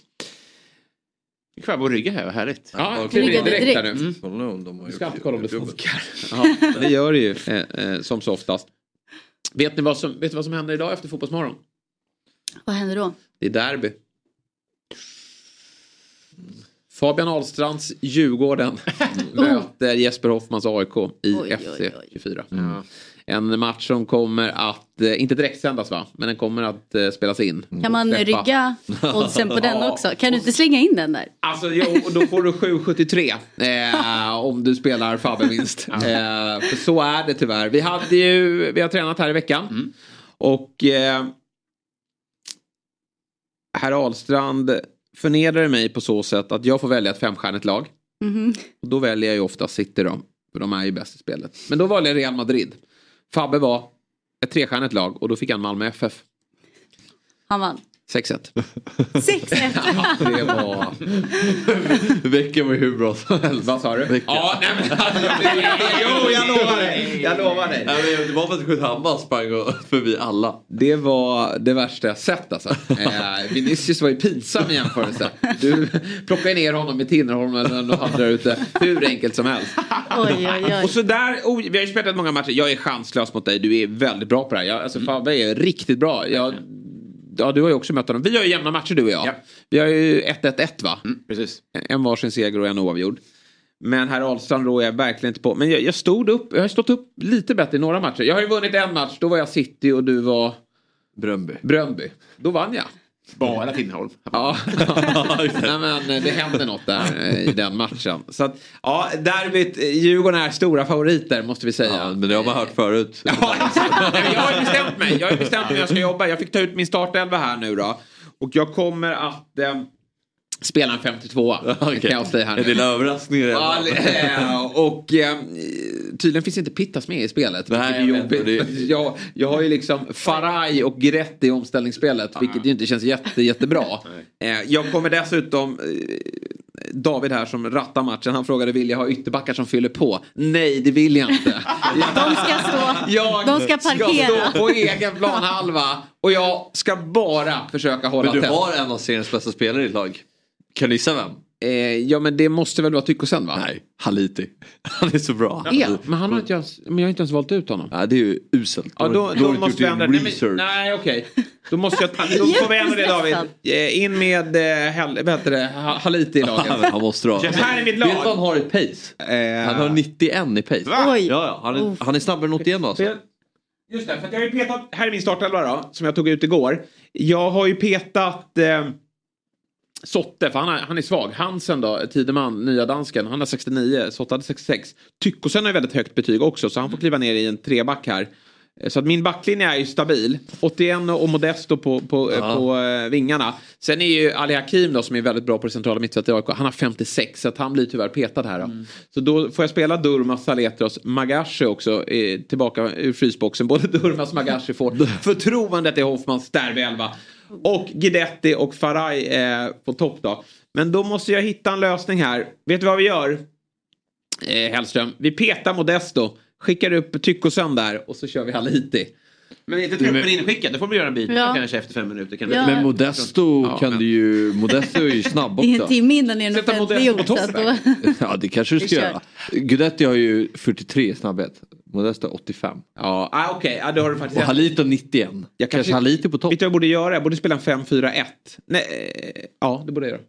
5-4-1. Jag tar bort eh, Faraj och så kör jag Modesto in på en kant och så får jag ha Magashi på en kant också. Det låter som att du har skaffat dig en egen agent nu. Ja, hjälp mig här. Det är också Ja. förnedrande. Men jag, Vi- ska jag, jag visste inte att han lite var så bra. Jag trodde inte det. Men, men eh, för du är ju... Jag vet ju Fabbe attackerar mig också. Han gör ju det klassiska, kommer runt på kanterna. Oj, eh, oj, Och oj. cutbacks. Och jag hänger inte med då. Jag måste ha många där bak. Det gäller att läsa med mittbackarna när man ska liksom kliva fram och ta Ja, dem där, där. jag har jätteproblem med det. Jag har inte lärt mig det. Men jag, jag, jag jobbar. kan gå igenom och, det. hur ser Djurgården ut då? Hur ser Djurgårdens startelva ut då? Fabian Ahlstrand rattar följande mannar då. Eh, och det ser väl... Ja, Moros Gracia får kliva in. Ja, från start. Från start. Och Elliot Check! Vad hände där? Alltså, Tillbaka från de döda nästan. måste in med lite derbyskalle. Ja, ja men det är bra. Va- Vadå eh, Samuel Dahl och... och eh, Dahl fanns inte. Nej okej, har inte heller med. Sen om man ser ett lag med tre spelare som har kring 40 i pace. Både Eriksson, Schürrle och... Ja, det är inget Danielsson. jättesnabbt lag. Nej. Nej, det kanske jag kan nyttja då med Modesto och 81. Ja, precis. Men uh, Wikheim 86, han är ju snabb. Eh, så- Oj då, där får jag jobba. Och Falenius längst fram. Vi gör en liten rokad. Ja, ja. Så det här är... Vem är bäst då i Djurgården? Det är Eriksson och Danielsson. Schüller va? Danielsson 72, där ja. Ja, nej, det här blir jobbigt men jag får ju... Det är bra att du inte har så mycket snabbhet i laget då. Även om Falenius och Wikheim blir tuffa att att hålla koll på då. Mm. Är det Argentinas eh, Fifas, eller EA Sport, EA's FC? Helvete vad är det? Det är som eh, X och Twitter. Det tar ett tag. Ja. Eh, är det världens långsammaste ytter? ja, det kan det mycket väl vara. Ja. Alltså. Kom gärna med motbud. Men det är Ja. just det där, ja. Och väldigt så här 60, 60, 60, 66, Ja. 57. Riktigt average. Som min pappa. Ja, ja den, honom borde kunna hantera tycker jag. vi, vi får se helt enkelt. Vad, vad, Julia, vad tippar du? Djurgården AIK? Eh, Djurgården såklart. Ja. Både Djurgårdshjärtat tippar Djurgården och eh, jag har inte jättemycket förtroende för att AIK ska ta det där. Nej. För Djurgårdsspöket vill man ju ändå... eh, Ja, kan vi väga in här att det, det spelas på. Friends-matchen. Eh, eh, naturgräs, där är du svag. Försenad avspark. ja, kanske. Ja. Eh, vad tror du? Regndelay. Kom nu med ett Ja, men... Kan jag lösa ett kryss? eh, nej. Nej. jag skulle säga 8-1. Åtta. Jag tror att det kommer vara, du kommer köra blocken i första 20, sen när det väl börjar rinna på mål, då kommer de spela igenom vet, och så trycker, och så Då har du rinner det på. IFC-psyket. Nej. eh, För då blir man, då blir man, vet. eh, blir man glidtackla och skit. Ja. Och då blir det slalom. Kommer Jag fick sent. höra en grej igår då, om FC24. 4-2-3-1 är den ultimata uppställningen. Är det så? Ja, men någon, det är... Tre cams. Tydl, ja eller om det är yttre. Eller, Triangel men det är på tydligen- mitten. Ja, det är tydligen den bästa formationen. Mm. Den informationen har jag fått till mig. Ändå så ställer jag inte upp så. Ja, jo, men det är klart vi antecknar. Sen annars då, för nu röstade ni fram och jag vet att ni vill ha en, en eh, rivalmatch mellan mig och Fabbe. Men det kommer inte bli särskilt spännande, tyvärr. Jag ska göra allt som står i min makt såklart och, och lyckas lösa den här bussen och hålla tätt så länge som möjligt. Kan jag hålla första 25, då kommer Fabbe bli lite frustrerad. Och, eh, du förlorade ju märkligt nog mot Sabri där i någon konstig match, för han är inte särskilt bra. Så det, det är väl det jag lever på. Men annars vore ju en match mellan dig och mig är ju det mest rimliga då, med tanke på vårt eh, facit. Vad ligger du på för nivå om man liksom tar... Nej, men jag tycker Robin lite är- spelmässigt har varit lite vassare i matcherna mot mig. Men det har ändå varit eh, 1-1-1 talar sitt tydliga språk. Så det är ju. ganska Så jämnt. pikar du så är du snäppet över Hoffman. Ja, jag skulle nog säga Men det. inte Fabbe. Alltså jag har ju inte psyket men jag har, jag, är ju- jag är ju vanare att spela. Ja. Så, men eh, jag har rätt ett i Ja, du är mentalt svag är du. Ja, ja det är det märks. Få höra en fredag så här. Du är mentalt svag. grina. Ja. Nej men alltså, eh, efter 24 Ja. mentalt svag. Ja. Det är också, eh, men, men eh, inte på Robins nivå. Va? Har det problem. tufft år, du. Men eh, jag, jag skulle nästan säga som så att jag tror Fabbe kan vi skicka in mot en, en tittare. Alltså, Ja, jag- Det är få som slår dig. Nej men jag mötte ju Lucasinho Ja. för två år sedan. Just det. Torskade 2-0. Det är fan imponerande. Men han, han har ju var- vunnit EM-guld. Ja, Du då, var ligger du någonstans? Ska du... Har jag- du hört? Du har ju aldrig spelat Nej, förut, alltså faktiskt. jag har spelat men det blir... Jag tänker vad jag vill göra, så jag vet precis vad jag vill göra men det blir inte liksom kontrollen Nej. går inte, jobbar inte med mig. Nej. Jag har, tanken är där. Mm, Julia skulle jag vilja möta innan derbyt så att jag får upp känslan här lite. Jag sitter och skriker. Varför slår du inte inlägget? Nej. Så blir det en skott istället för... Mm. Ja, men Det är det sjukaste med det här spelet. När man börjar uppleva varför gör du inte som jag säger? Ja. När man börjar tänka så, då, då är det bara ge upp. Ja. För då har man kommit in i ett tänk av att man tror att det är något uh, lurt. Liksom, Ja. När det egentligen bara är att man själv uh, styr fel. Eller något. Där är jag. Ja. Och så blir jag riktigt frustrerad. Men jag har nog mött min jämlik i vinnarskalle. I Fabian. Mm, han blir arg. Ja, vi mötte dem i paddel. Jaha. I måndags. Oj då, Ja. berätta. Mm. Det är... Kryss. Kryss. Ja, men, Ja. Kryssa i padel. Ja, men det var ju någon som knackade dörr. Man hade inte klart sista bollen. Ska ju alltid Ja. göra det. Visst är han oskön? Riktigt oskön. Ja. Men, Men, men jag har ju faktiskt. sett honom i företagscupen. Han är lite trevlig. Och han, den här matchen när jag vann, då blev han också ganska hotfull. Så Ja. det, är ju, det är ju läskigt. Eh, Ja, han sa det, eller hans flickvän sa det att eh, hon, bara, jag, hon bara, jag har alltid hållit dig Julia som liksom riktigt, alltså riktig vinnarskalle. Hon bara, men nu har vi en ny Fabian Du måste ju kunna välja dina strider. Alltså, det där ska ju vara trevligt. Två par som spelar en padel. Nej, det ska inte vara igen. trevligt. Det är kul att vinna. Ja, Det är det ju visserligen. Så. Men man måste ju, ja. Okej, så det var en hård fight mellan er två. Ja, det Blev det Ja, det- Den bröts. nej men även matchen, det blev 1-1 i set, sen ska vi ta vidare. Alltså, Ja. vi ska, den är Ja, inte spännande. klar. Den är inte oerhört- Det ser vi fram emot upplösningen där då. Ja, Skrek ni några fula ord till varandra då? Nej men nästa kanske. det. Jag ska, Ja, det är det kan tanken. När det, det drar ihop sig. Ja. Den bröts på grund av olaga hot. Någon sulat. Det är tur att man har den där det? säkerhetsspännet på Ja. racket så att Ja. man inte kan dra den i skallen på någon. Det skönaste som finns när man är i en paddelhall Ja. och det är, det är man är på, har, har, ni spelat i en, har ni spelat i en stor hall någon gång? Nej.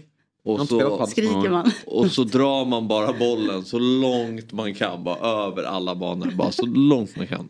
Så stör man någon man annans spel. Ja, Du landar på någon annans bana. kanske. Är det kryss där också? Du? kan du inte hålla på.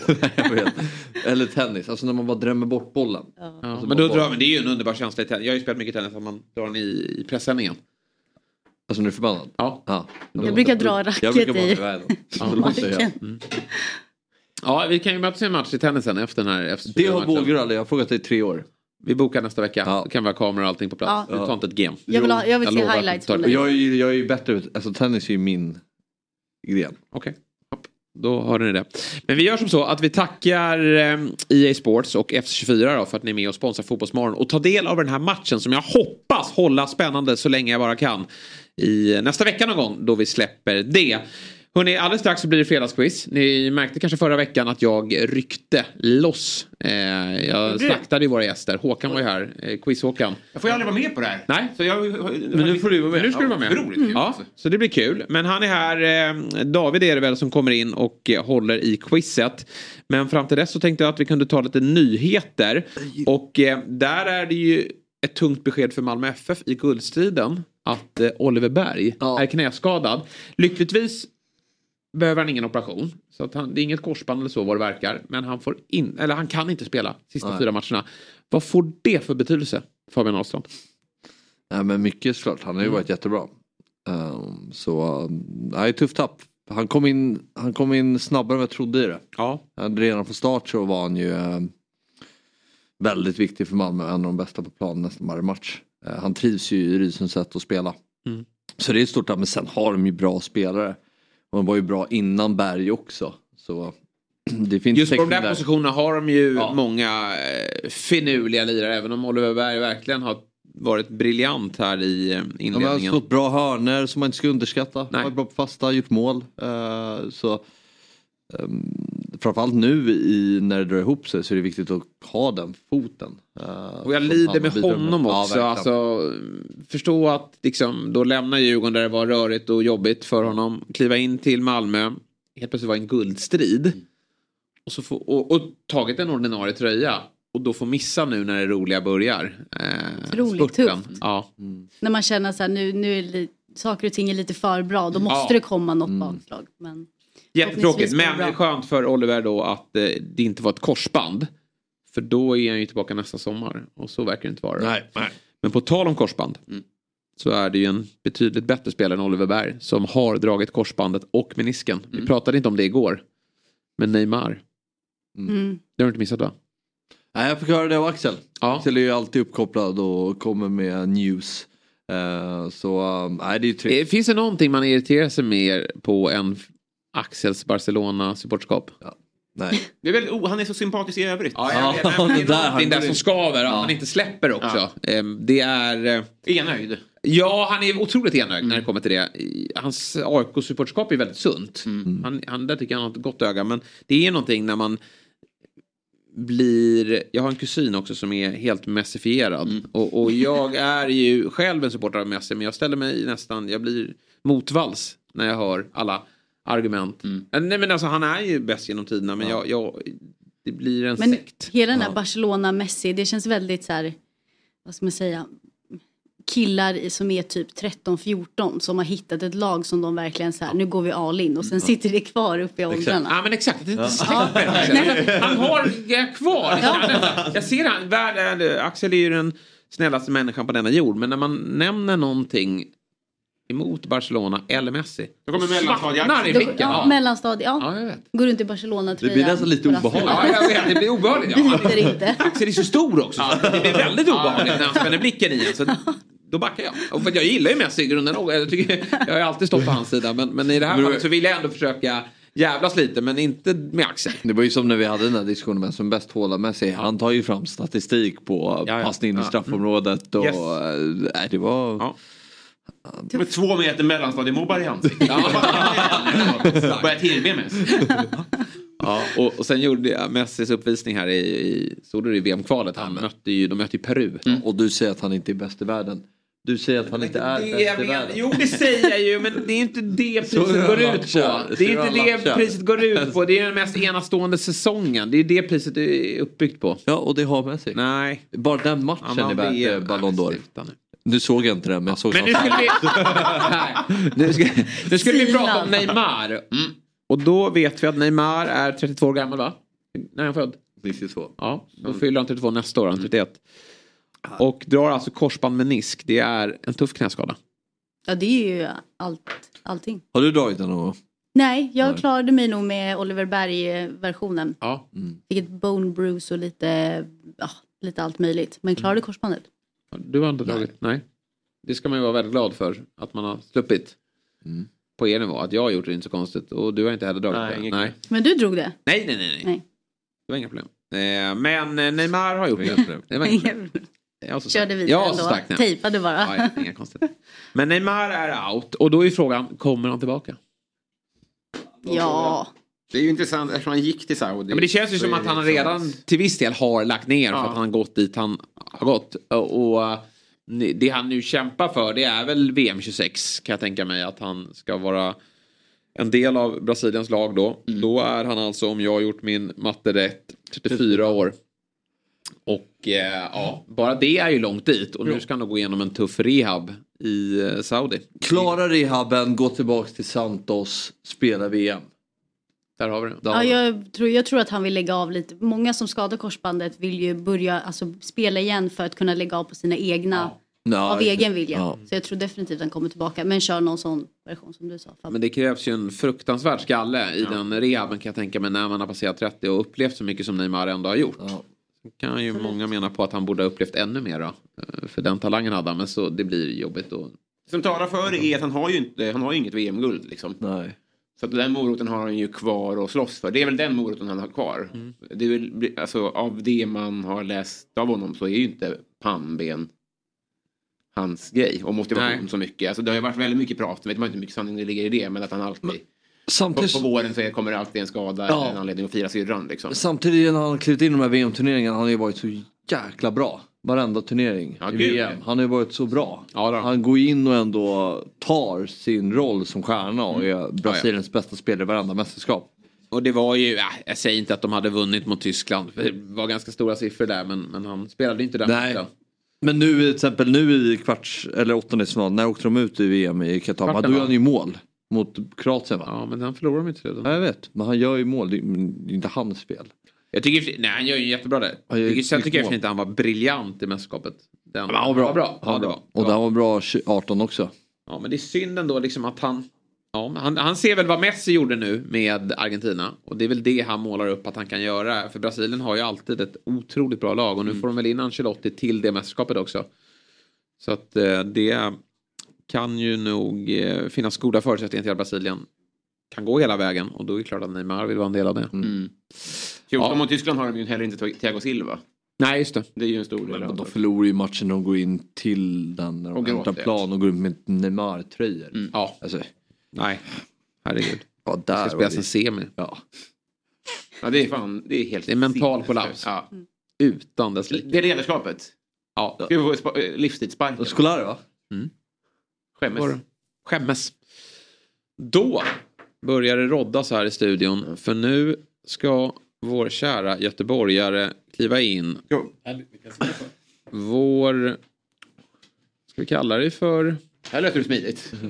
Verkligen. Christian Lok. tack. Nej men jag tänker På spåret-kopplingen här då. Oldsberg. Oldsberg är det ju såklart. Ja. Vila i frid. Om det är göteborgare då. Ja just det. Vad dåligt av mig. Nu kommer Hörrni, det har prestationsångest. blivit dags för eh, fredagens Vad ska du säga med mig? quiz. Och eh, vi kan väl bara slänga upp tabellen och njuta lite. För alla de där ute som håller på Jesper Hoffman när det kommer till frågesportstävlingar. För där ser ni vem som leder och vem som dominerar i studion. Jävlar. Eh, Jesper Hoffman, 7 poäng. Det är alltså jag. Sen har vi gästerna. De har lyckats eh, skramla ihop tre poäng. Idag har vi ingen gäst. Du, ja, du får vara med på gästlistan idag då. Sen har vi Fabian Ahlstrand, två poäng. Då är ju en, ma- det är dock en haltande tabell då. En match mindre spelad. Men sticker man till tandläkaren sådär mitt i allt, då får man skylla sig Det själv. ingår lite grann i det, så spelade matcher kommer inte dyka upp här. Utan man Nej. Har, har inte jag två? morot. Eller hur många mindre matcher spelade jag då? Du fick en poäng första. Ja. Jag och Jesper Och det är det enda jag varit med. Och du fick också en poäng. Ja, nej, Fabbe var, fick två den. Fick han två? Ja, han fuskade ju på sista. Fabbe. Han ändrar ju alltid svaret efter hur jag har skrivit. Men nu kommer jag hålla för. Du börjar, liksom börjar träna. Du börjar träna på blicken. Men David Hellström, berätta. Vad ska vi prata om? Ja, nu, eh, vad ska du fråga om? Hoffman berättade att Robin är med på gästlistan här. Är det första gången du är med på gästlistan? Hur känns det att vara med på en gästlista? Jag har varit... Eh, vad betyder gästlista att man får Jag har varit på gästlista. Ja, då- ja. Laroy 2009. Herregud. Den gästlistan har du inramad hemma. Ja. det är bra. Ja, okej. Det är alltså dags för Fotbollsmorgons fredagsquiz. Ja. En sorglig vecka ligger bakom oss med terroråret i Belgien som lagt en blöt filt över tillvaron. Må de som föll offer för våldet i Bryssel vila i frid. Det här quizet ska ändå avhandla nyhändelser sedan senast vi quizade, alltså förra veckan.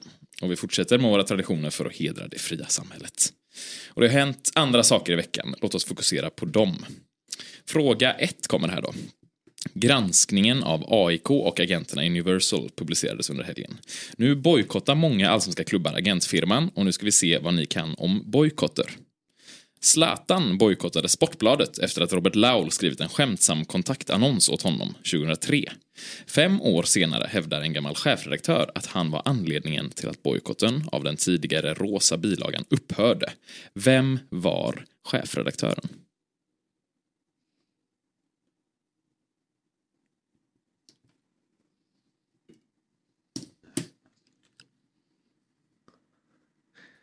Då har vi fem sekunder på oss att tänka här.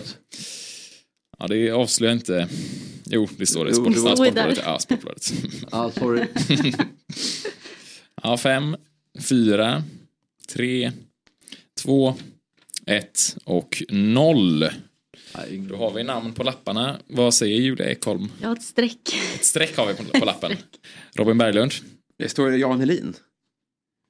Jag ska Håkan Andreasson. Jag kommer inte Helin. på. Ja. Jan Helin, mycket riktigt. Ja, Helin här En också. lång, Riktigt. lång, lång eh, intervju eh, och en text som blev 27 000 tecken publicerades. Kom igen nu gästerna! Ja, snyggt Robin. Fråga två nu då. Och Biograf- jag. Ja, Hoffman, poäng. Men ni Absolut. kanske tar för givet att jag kan alla. Transferfönstret, kan man byta till gästerna? Du har tyvärr fått din lilla Ja, du har fått din egna där. Hade du nollat första då kanske du hade sluppit. Du rör inte gästlistan. Biografer är inte bojkottade av gemene man i Sverige, men det kan ibland kännas så. På tre år har antalet biobesök per år blivit fem miljoner färre. Men i fredags kväll förra veckan var det stor premiär för Lukas Moodyssons Tillsammans 99.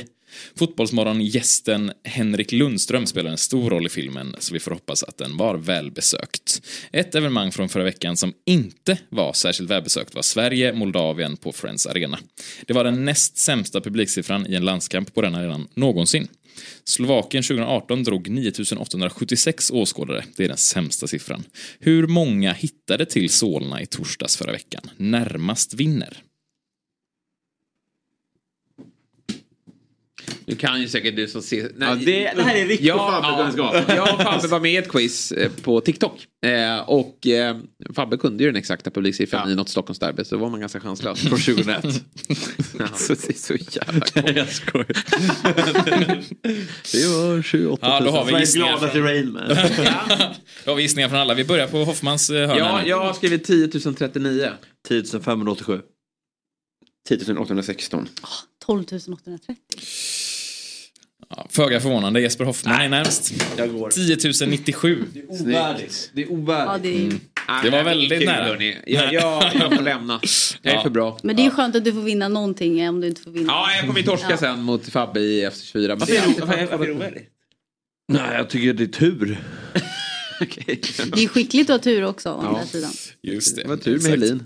Ja, snyggt, vi går vidare till, till fråga tre. På bioduken är det ofta fullt av agenter och de har fullt upp med att hantera kriminella. Agatha Christie skriver deckare, heter nästan agent i förnamn och mängder av hennes böcker har filmatiserats och visats på bio. Ett eh, mysterium från veckan som gått handlar om en inlånad Milan-forward och utspelade sig i Norrköping. Igår fick sportchefen kontakt med spelaren igen, men det är fortfarande mycket vi inte vet om fallet.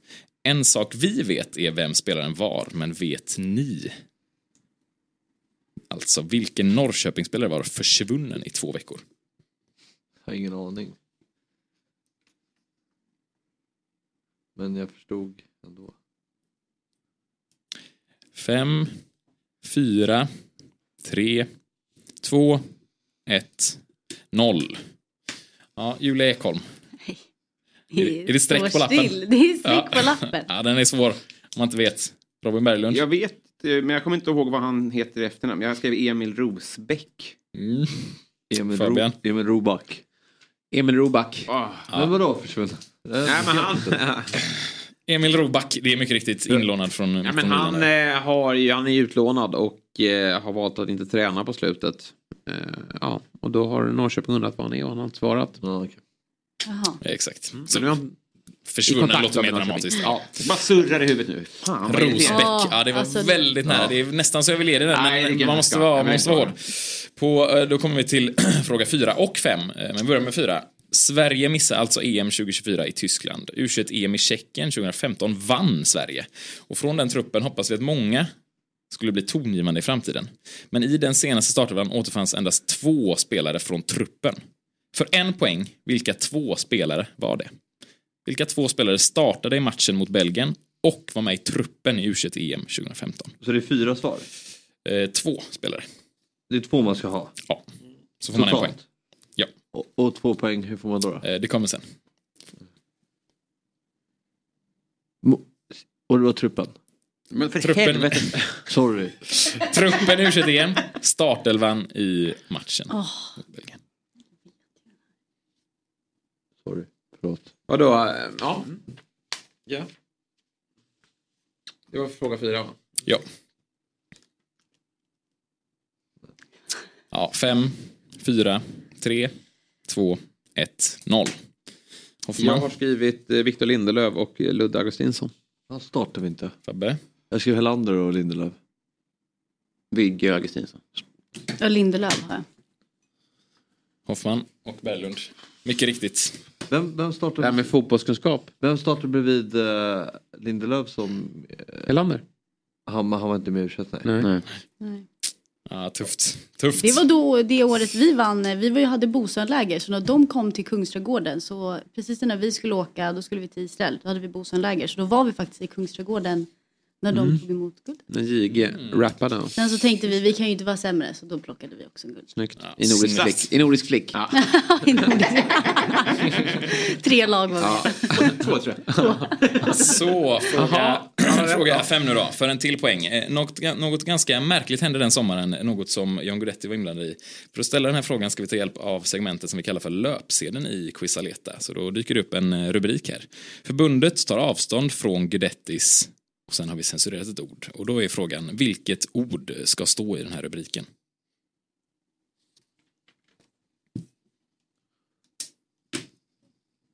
Vad hände med honom? Fredrik Jönsson? Det är Ja, han, följdfrågan. han var med i mycket poddar där ett tag, i Sportbladets eh, poddar. han var en Niva hangaround mycket. Det blir nästa veckas eh, fredagsquiz. Med Vad hände sen med gänget bakom Fredrik Jönsson? Ja, fem, fyra, tre, två, ett och noll. Ja, Julia Ekholm, du har en gissning. Jag har ändrat mig. Ja. Förbundet tar avstånd från Guidettis låt. Berglund? Rap. Rap. Jag skrev sång. Sommarprat. Oj. oj, oj. Har han sommarpratat? Ja, Men det var tidigare tror jag. Kanske. Eh, då ska vi se, Viktor, har du facitbilden där? Yes! Låt. Yes! Sång. Alltså, Då sa jag den det innan. är så Sång får man rätt viktig. för. Sång. Nej, nej. Självklart. Nej. Nej. Nej. Nej. Nej. Ja. Då får- då- får jag också. Då får jag. Sång. Ja, då får jag Nej, nej. Då får jag också. jag kan sjunga i sommarpratet. Sjöng det. Men nu har jag plockat ett poäng på den här quizen och jag ligger ändå efter. Du Då fick- kan du ni... skrev låt. Jag skrev Ja, låt. Då då- kan ni avstå ett poäng. Ja, Hade, verkligen. Så får ni jag skrev klättra sång lite. båda två där är Nej, men Men, nu. det är faktiskt... Nej, det är faktiskt... sluta. Det finns ett, Ja, det finns ett tydligt här. Låt. Herregud. Men Helander är också bra på fotboll. Ja. Poäng. Han borde varit med. Han borde varit med. Ja. Han borde varit Hade med. han velat så hade han varit. Dåligt. Dåligt. Jag brukar alltid vara generös när jag själv är domare. Ja, det är... Men då, då, Rosbäck, han ska ju, det är två poäng. Ja, Rosbeck är två poäng. Det är ett bättre efternamn. Det förbättrade hans efternamn. Komplett efternamn. Roback. Ja, Nya Sverige heter låten och det var rapparen Ja. Danny M som han hade ringt upp och sagt kan du göra en låt åt oss. Men han, Danny M Där hade ser man. lite konstiga uttalanden så då ville de inte Ja. förknippas Den med lyssnade vi på mycket. Ja, bra ju. Det var allt för fredags Ja, men vad kul. quizet. Mycket Ja. bra quiz. Eh, jag fick bra. eh, fem poäng då. Av sex möjliga. Det är För det var sex. Mm. sex. Fem. Fem, fem, fy- fyra poäng. Fem. Man fick, jaha, men jag tror man fick två Nej, poäng. det är en, en för... Ja. Ah, ja. Man 0,5 Det är fyra. ett rätt. Nej, Nej, inga, okej, halv, inga Ja, då- Jag fick ett rätt. Två till gästerna. Ja, bra för gästerna. Jag är Julia besviken ett poäng, på min men du insats. håller snittet. Ja. Ja. Vi, ja, vi tackar så mycket David. Tack Eh, själv. Quiz. väldigt bra eh, och kul inslag. Vi ska göra som så att vi ska tacka dig Robin. För en fin morgon. Väldigt kul det här. Eh, och vi ses på måndag igen, eller hur?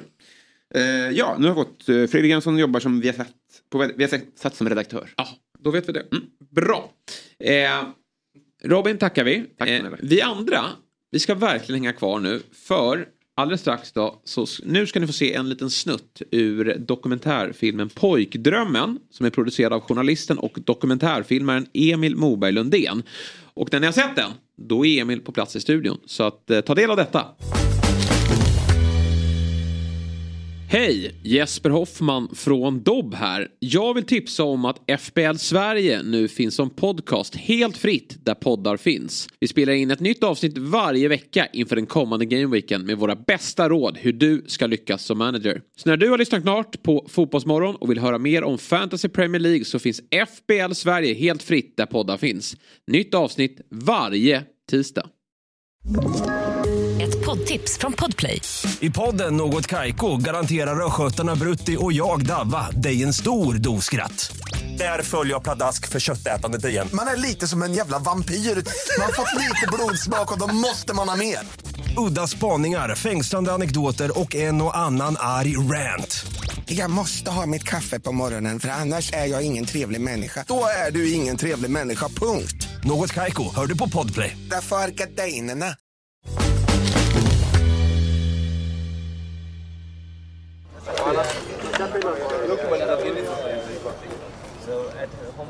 Väl på träningen så är det så här att det fokuseras rätt så mycket på så här, vad kostar mina skor och vad kostar det och vad kostar det och så här. Och det är klart att det finns en upptagenhet kring vad saker och ting kostar när man inte själv har så mycket pengar. Nu har jag haft två olika skor på två olika träningar också så undrar de vad de andra kostar. Jag har bestämt mig för att det, jag måste ju säga det ärliga svaret. Så, här, så ett par av de skorna jag har som jag, då betalar jag 2000 svenska och det är ju 24 000 24 000 kenyanska. Och det blir pinsamt att svara det men jag är ju tvungen att göra det. Men eh, så är det ju.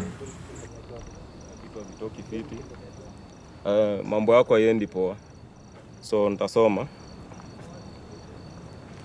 shout for joy to the lord all the earth worship the lord with gladness come before him with joyful songs know that the lord is god it is he who made us and we are his we are his people the sheep of his pasture enter his gates with thanksgiving and his courts with praise Give thanks to him and praise his name. For the Lord is his good and his love endures forever. His faithfulness continues through all generations.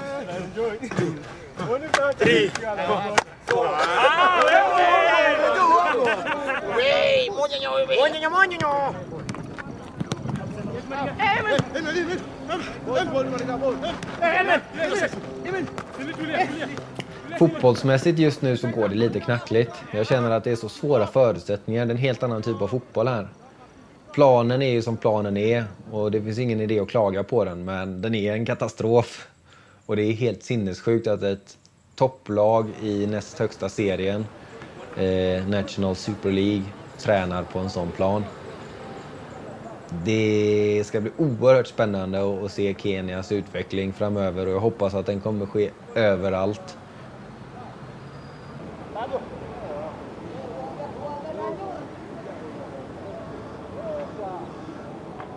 Vad jag vill göra nu i alla fall är att göra eh, de små sakerna bra och även om det känns lite jobbigt att jag är ja, men rikare då och så här, har mer pengar och bättre förutsättningar att äta bra och vila bra och allting så är det jävligt viktigt för mig att vara en i laget. Jag känner att jag börjar bli en i laget allt mer och mer. Och då känns det lite jobbigt nästan att mitt nästa mål är Gormaya, vilket är ytterligare en nivå eh, till fotbollsmässigt. Så att jag har nästan gått och tänkt lite så här, fan ska jag skita i och eh, stretcha efter mitt stora mål att spela Premier League-fotboll här i, eh, i Kenya.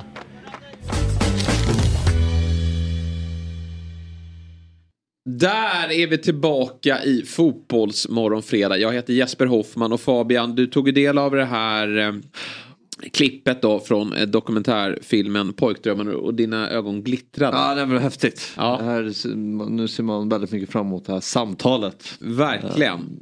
Och då gör vi väl som så att vi bjuder in huvudpersonen, mannen som ligger bakom filmen och som är huvudrollsinnehavare i filmen också. Emil Moberg Lundén, varmt välkommen till Fotbollsmorgon. Stort tack. Du, eh, jag tog del av den här eh, filmen igår för första gången. Men den släpptes ju på SVT Play, var det 2020 eller? 2020 ja, ja. hösten. Och spelades in? Från 2016, 2017 och lite kompletterande 2018. Men mest av eh, filmen är 2017. Ja. Eh, jag älskade varenda minut av den här timmens långa eh, dokumentärfilmen. Det var ju verkligen, alltså för dig var den ju, det är en orealistisk dröm eh, på ett sätt. Men samtidigt så är det en realistisk dröm för, för alla pojkar och flickor någonstans där ute. Men jag tänker på att du var ändå i 30 års ålder eh, när du tog tag i den här drömmen. Du ska få berätta mer om resan men först och främst så vill jag höra mer om dig. Eh, vem är Emil Moberg Lundén? Eh, Emil är eh, en naiv kille som man ser här i filmen med, med drömmar och idéer. Eh, utbildad journalist. Eh, öppnade ett produktionsbolag 2016 tillsammans med min bästa vän Jonathan eh, Lindhult. Vi har producerat fyra dokumentärfilmer sedan dess. Jobbat till och från på, på Sveriges Radio som eh, undersökande journalist eller det man gör på P4-kanaler. Typ. Lite allt möjligt.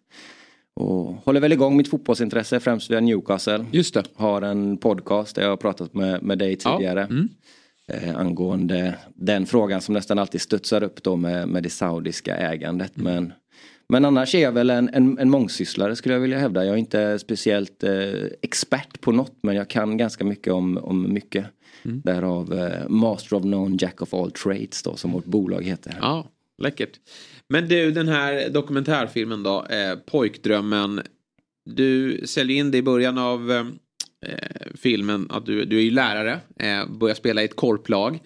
Och du har ju varit väldigt ung och lovande tio år innan la du av med fotbollen. Runt 20 års ålder va? Mm. La du av med fotbollen. Men då säljer du in det som att du, vill- du vill testa drömmen att liksom nå tillbaka och göra det på den största av scener någonstans. Men det kanske inte är så rimligt att förvänta sig i Europa. Utan då söker du dig till Kenya i det här fallet och Afrika, en, en, en annan del av världen. Men där intresset är lika stort som, som här uppe. Men hur mycket eh, liksom var det att uppfylla pojkdrömmen om att bli fotbollsproffs kontra att göra en bra film? Om du förstår vad jag eh, menar. Eh, både och, verkligen. I, i slutändan så, så, så blev just den relationen ohållbar för att eh, båda drömmarna krävde full kapacitet och full närvaro. Så, så mitt liv gick ju på 200 procent där ett tag. Att både orka och klara av att träna men också orka att producera en film och försöka finansiera den vilket är oftast det svåraste och tråkigaste med att, eh, att göra film. Så, eh, så, så både och men jag skulle nog säga att det började väldigt mycket i drömmen och känslan av att jag ändå hade en ganska god chans. Jag var en boxspelare som liten och, och gjorde... Hur bra var du? Ja men inte för att vara sån men jag hade ändå det där it på något sätt. Jag gjorde ofta mål i de viktiga matcherna och eh, dök upp där jag skulle dök, dyka upp. Och rivig och, och liksom någon slags eh, fusion mellan Inzaghi och Müller kanske. Om man får ta i. Ja, men det ska man göra. Jag beskriver mig ofta som Johan Elmander, eh, löpstark. Det är också en god spelare. Eh, men hade väl lite problem med eh, att hålla mig till en grej typ. Det kunde bli en eh, resa med grabbarna ner till Sankt Anton mitt under försäsong, krök sju dagar i rad. Komma hem, var förkyld, missa två veckor på försäsongen. Eh, bli bänkad på grund av att man kanske tog någon dålig prioritering. Så att lite, jag hade nog passat bättre på typ 70-80-talet än när fotbollen började bli lite seriös. seriös. Vilken nivå spelar du på i Sverige? Då var det gamla tvåan då. Eh, så tredje högsta blir det väl. Mm. Men här blir du väldigt seriös. Du eh, säger upp dig från eh, läraryrket, eh, lågstadielärare och tar kontakt med den gamla allsvenske eh, striken Christian Hemberg. Ja, vilket energiknippe. Ja, alltså, man märker det där. Jag har ju alltid vetat vem han är och, och följde allsvenskan väldigt mycket då och var ju väldigt duktig men, men jag hade inte koll på honom som vad han gör idag. Men han jobbar ju då som eh, Ja, helt PT. brutalt. Ja, verkligen. När man var där och stod i jägarvila och började jobba upp sig mot eh, minut fyra eller minut fem så försökte han peppa henne. "Ah, tänk, tänk på något gott, tänk på något gott nu.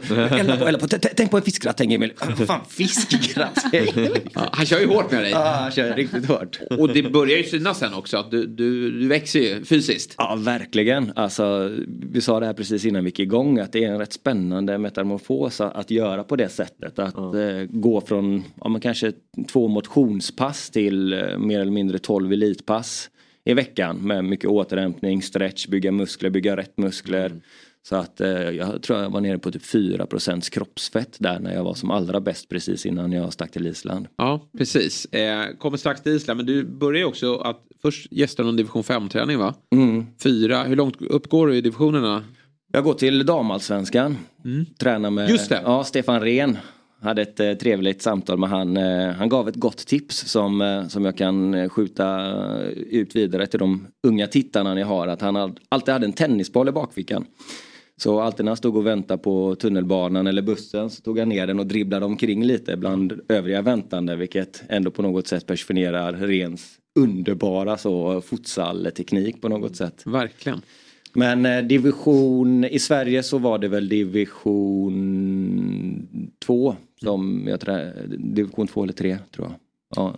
Och sen löser du då ett provspel eh, på Island. Mm. Och det är ju ingen dussin-nation. Alltså visst, det är ju inte en av de bättre ligorna i Europa. Men, men eh, det är ju högsta ligan du eh, ger dig an. Mm. Och eh, står för vad det verkar, det är ju ett ganska kort klipp, men för en väldigt bra träning också. Ja, då, då klaffar det. Ja, man ser ju på dig just den här it-faktorn. Du gör ju mycket mål och, och eh, de har ju stora problem med dig, försvarsspelarna där inne i boxen. Ja, men jag, dessvärre så pikar jag ju där. Den formen skulle jag ha haft. De var ju sugna till- på att erbjuda dig kontrakt där, Ja, som det nästan. var, så här i efterhand så hade man ju nästan tänkt att varför inte Island, det är ett ballt land också. Verkligen. Men eh, ja, det var svårt att klara den perioden sen för att jag skulle egentligen åkt ner ganska direkt efter provspelet på Island.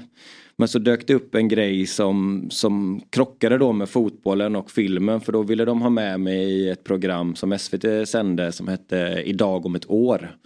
Eh, och då skulle man gå in i en sån rökridåstudio lite så, sitta mot stjärnorna. Så, Idag om ett år är jag fotbollsproffs i Kenya. Och så var det Pernilla Colt Månsson som intervjuade den lite. Och då var den inspelningen lagd tidigt januari. Eh, och då hamnade jag liksom en månad fel mot eh, min, min form typ. Vi hade planerat att bygga upp mig för att vara som starkast och bäst där i december. Och då kom julen och, och då kom nyår och, och jag gick ner lite i... i ja, men, Grabbresan. Ja. ja men typ. Ja. En, en jullön. Ja, exakt. Ja, lätt hänt. Men eh, sen bär det ändå av i- till Kenya. Ja. Varför blev det just Kenya då? Var, varför föll valet på just Kenya? Ja, men jag hade väl en känsla av att eh, jag skulle utvecklas som, som människa person av att komma till den delen av världen. Jag har backpackat i Sydamerika och där tror jag också fotbollen hade varit för, för, för bra för mig. Eh, Asien kändes inte så spännande. Och just det här med typ vit man i Kenya när man ser trafiken på fotbollsspelare som hela tiden så drömmer om att komma till Europa men att gå andra vägen. Och när, man, när jag tittade på klipp från läktaren och tittade på eh, matchsekvenser så såg det rätt härligt ut eh, att få spela där nere och jag bedömde mina chanser som, som störst i Östafrika också. Tittar man på Västafrika så är ju kvaliteten ganska mycket bättre. Kamerun, Nigeria, Senegal, Elfenbenskusten jämfört med, med Kenya, eh, Tanzania. De har inte den fotbollstraditionen men det finns ett stort fotbollsintresse och alla går runt med fotbollströjor och älskar fotboll. Och totalt är du där första vändan då i sju månader. Mm. Hur, eh, hur var dessa sju månader? Och hur går det för dig? Ja, men till en början går det ju jättebra. Jag har ju siktet inställt på den här stora klubben Gormaya då som är någon slags eh, ja, men, AIK eller F, alltså den stora klubben i landet med eh, de stora resurserna egentligen. Hur många supportrar de en match? Liksom? Hur många åskådare? I ett Nairobi-derby så dyker det kanske upp 30-40 000. Så då, då är det stort. Eh, de hade en eh, vänskapsmatch mot Everton den sommaren. Eh, Wayne Rooney var precis nysignad för, för Everton. Och det, det kändes ju ganska surrealistiskt att man eventuellt hade kanske suttit på en bänk i Gormaya mot Wayne Rooney. Nu var jag ju inte så nära Gormaya sen ändå men Eh, målet var ju där. Men så hamnade det här laget i, i Kibera av, av en slump som är en av de största eh, om en kåkstäderna, slumområdena i, i hela världen. Och rent eh, intressemässigt så springer jag mycket på den bollen då och tycker att sociologiskt är det väldigt spännande frågorna så här rik, fattig, sånt som jag kände var väldigt intressant för dokumentären att undersöka och de känslorna som dök upp i mig. Vi fick se ett klipp här innan där det handlade om mina fotbollsskor som är 2000 spänn. Det är tre, fyra månadslöner för professionella fotbollsspelare i, i Kenya. Och, och den krocken blev väldigt ja, men intressant till en början men sen så blev den tung som fan. Ja. Eh, och då, då började jag också bli fattig. Då tog mina pengar slut. Jag fick inga pengar in till filmproduktionen och visste inte jag skulle klara av att, att stanna kvar heller. Och relationen att tycka synd om sig själv i den kontexten och tycka att eh, att ja, men jag har inte rätt förutsättningar för det här när man ser förutsättningarna som mina lagkompisar hade i Kenya. Bara att bli en duktig fotbollsspelare och träna på det underlaget. Det är ju, eh, alltså, touch, första touchen är ju helt omöjlig att sätta. Ja, Bollen ja det syns. eh, Det är fruktansvärt svårt att Ja. Spela det- fotboll. Det blir också som en sån, jag vet en kompis på journalistutbildningen som eh, gjorde sin uppsats kring så FM profiler på afrikanska spelare. Att de är oftast väldigt fysiska profiler men att det är så mycket pang in och inte så spelintelligenta. Vilket på något sätt blev, det är klart att du får den typen av spel när bollen studsar på det sättet så tjänar du väldigt mycket på en superaggressiv första press och mycket långbollar och mycket fysiskt spel. För det är så himla svårt att hålla bollen kontrollerat alla konstgräs Elfsborg. När, när bollen studsar på ett sånt sätt så att då blir det ett annat typ av spel också med mycket tjong och fysiska dueller. Och den här klubben då som ligger i andra divisionen, de, de tycker ju om dig. Alltså, dels vid sidan av plan men, men på plan också då. Och du gör ju mål i, i din eh, träningsmatch där. Får en kvart på dig och it-faktorn är där och, och du avgör matchen. Men, eh, och de blir imponerade av din, liksom, din spelförståelse. Eh, Men sen då, eh, som sagt du skruvar lite på planen. Du inser att steget upp till att gå till den här stora klubben i, i landet blir svårt att ta. Och du bestämmer dig för att försöka satsa i den här klubben. Men sen då möts du av ett tråkigt besked i slutet av transfönstret. Ja, man ska också komma ihåg här att eh, jag spelar inte en endaste tävlingsmatch på, på det här året. Utan det är bara träningsmatcher. Eh, vilket liksom, det är asnice att sitta här och snacka men om vi inte hade haft på någon kamera så kanske ni inte hade ställt klockan fem varje morgon heller. Så att man vill ju göra det live och man vill ju göra när det är på riktigt. Och det gjorde ju att motivationen till att träna gick ner och jag visste inte om jag skulle ta nästa steg och försöka provspela med Premier League-klubbarna då eller om jag skulle stanna i, i Super League. Eh, signalerar väl till, eh, till laget att jag ska vidare. Vilket gör att jag hamnar i någon slags egen kategori där jag inte riktigt är en del av laget trots att jag är det. Och sen när jag väl eh, provspelar lite med så småningom då har jag redan fått beskedet här då att jag eh, inte kan få en plats i laget eh, Mm. på grund av eh, ekonomiska svårigheter. Att det är ganska dyrt att lösa en internationell spelares eh, uppehälle, alltså arbetstillståndet då. Och då blir det också en sån fråga, ska jag betala min egen eh, licens eh, på typ 20 000? Eh, det blir också så här white mans. Ja.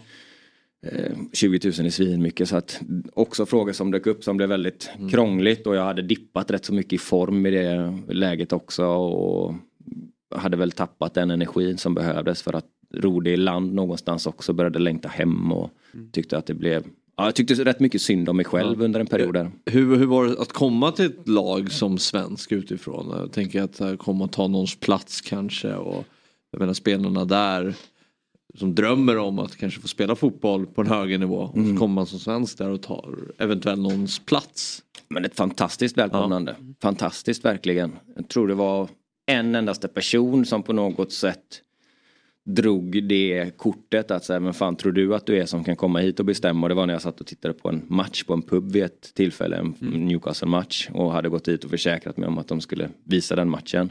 Och så ändrade baren på eh, tv-kanalen då, då var det en väldigt berusad man jämte som tyckte att så, ja, men du böjer dig för den vita mannen. Mm. Hur kan han få komma in på våran pub och bestämma vad som ska visas typ? Och det blev lite hetsig stämning. Men det var det enda. Annars Ja. så var det bara så här, öppna armar. Hur är det i Sverige? Hur gör ni? Vad, vad, Berätta om, om hur det är och väldigt välkomnande och en eh, oerhört generös eh, ja, men en, en generös och givmild eh, atmosfär i, i laget. Både med det, det man har, kan man, det, det ger man bort och eh, ja. Men hur klarade du dig ekonomiskt då? Tänker jag, för du nämner ju det att du tömmer din spargris för att få ihop till eh, PT-träningarna med Hemberg och sen så resa ner och, och ja, det du betalar för där nere. Även om det är såklart är betydligt billigare att leva i Kenya. Hur eh, Mm. går du runt? Ja, men jag fick in eh, 25 000 i ett så här, mm, film för filmen då som som direkt gick till produktionen vilket då handlar om uppehåll, uppehåll och, och träning och så vidare.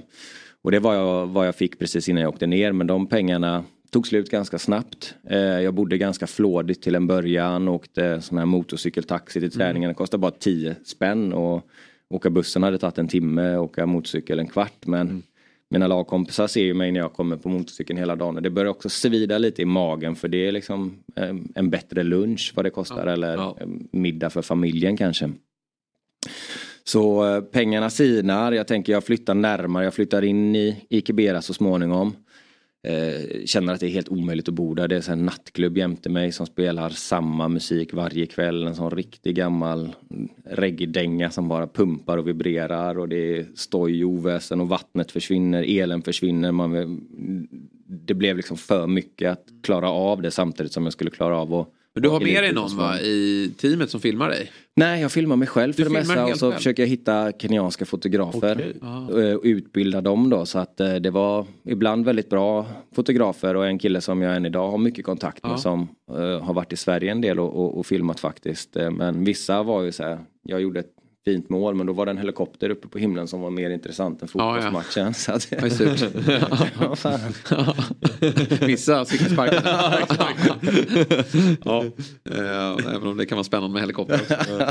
Ja, okej, ja, men då så. Ja, jag förstår. Men eh, Fabbe, du har ju varit iväg, jag ska inte säga li Ja, delvis liknande resa. Det är ju ett betydligt mer utvecklat land. Då. Fabbe var ju proffs i Australien. Mm. Eh, I ett halvår. Känner du igen dig någonstans i berättelsen av att det är ändå en annan fotbollskultur i Australien kontra Ja, Sverige? så är det klart det är. Och eh, nu kunde jag ju livnära mig på fotbollen eh, där. Mm, Och sen är det klart det Kenya, Australien, det är helt Stor andra skillnad, ekonomiska förutsättningar. Men eh, ja, vi, jag kan känna igen mig lite på träningsplanen. Den var ju inte heller den, den, den bästa. Nej, Eh, körde utan nät va? Ja, det, det, det, det. Jag hade i alla fall nät, lyxlirare. Det hängde ju upp näten varje morgon och plockade ner Ja, dem. det var så. De Ja men det var, gjorde vi också till slut för annars skulle de några sno dem. Eh, men eh, det jag framförallt var ju att man, man utvecklas väldigt mycket för man har så mycket egen tid. Man, känner, man är väldigt själv oftast. Eh, så eh, jag vet inte hur mycket Men man också lite, du kommer ju som utlänningen också. Ja, jo, så är det. Som består av eh, till mestadels australiensare. Det var ju, I och för sig hade du en annan svensk Ja laget också. precis. Eh, och, och en kanadensare och en från Sydkorea. Men det, man blev alltså väldigt väl mottagen redan från dag ett. Och det var väldigt lätt att anpassa Man var ju nervös när man kommer ner sådär. Men det, det löste sig väldigt snabbt. Men Emil, när du eh, vänder hem sen så släpper du inte Kenya. Utan du påbörjar ett nytt projekt. Mm. Därefter, berätta. Nej men jag kom ju hem och eh, kände mig otroligt misslyckad. Jag hade inga pengar kvar. Fick bo hos min mamma som har en etta i Göteborg. Eh, f- får flytta in där. Eh, ganska så snabbt så måste vi slänga alla mammas möbler för att jag tar med mig vägglös hem. Så eh, soffa och eh, ja, men, rubbet egentligen förutom en säng som står på sådana här vägglös skyddade metallbrickor mitten av rummet är kvar med massa sånt vitt mjölpulver överallt. Så ligger jag där med min mamma i en 120 säng i sked och är pank, jag har inget slut på min film, jag har ingen ork, jag har ingen bensin kvar i min tank och känner att ja, vad fan ska jag göra? Så då går jag tillbaka och börjar jobba på restaurang en stund som eh, jag gjorde när jag var i 20-årsåldern. Eh, trivs inte alls med det och undrar hur jag ska lösa detta. Liksom. Ska jag bara ja, gå med på ett game over, det blev ingenting att gå vidare eller ska jag ändå försöka hitta något sätt att lösa detta och, och sitter med en filmkonsulent och, och spånar och jag säger, ja, men om jag, om, jag, om jag bygger en konstgräsplan då? Om jag, går ner, om jag startar, liksom, avslutar och ger någonting till communityn där nere, till, till ungdomarna.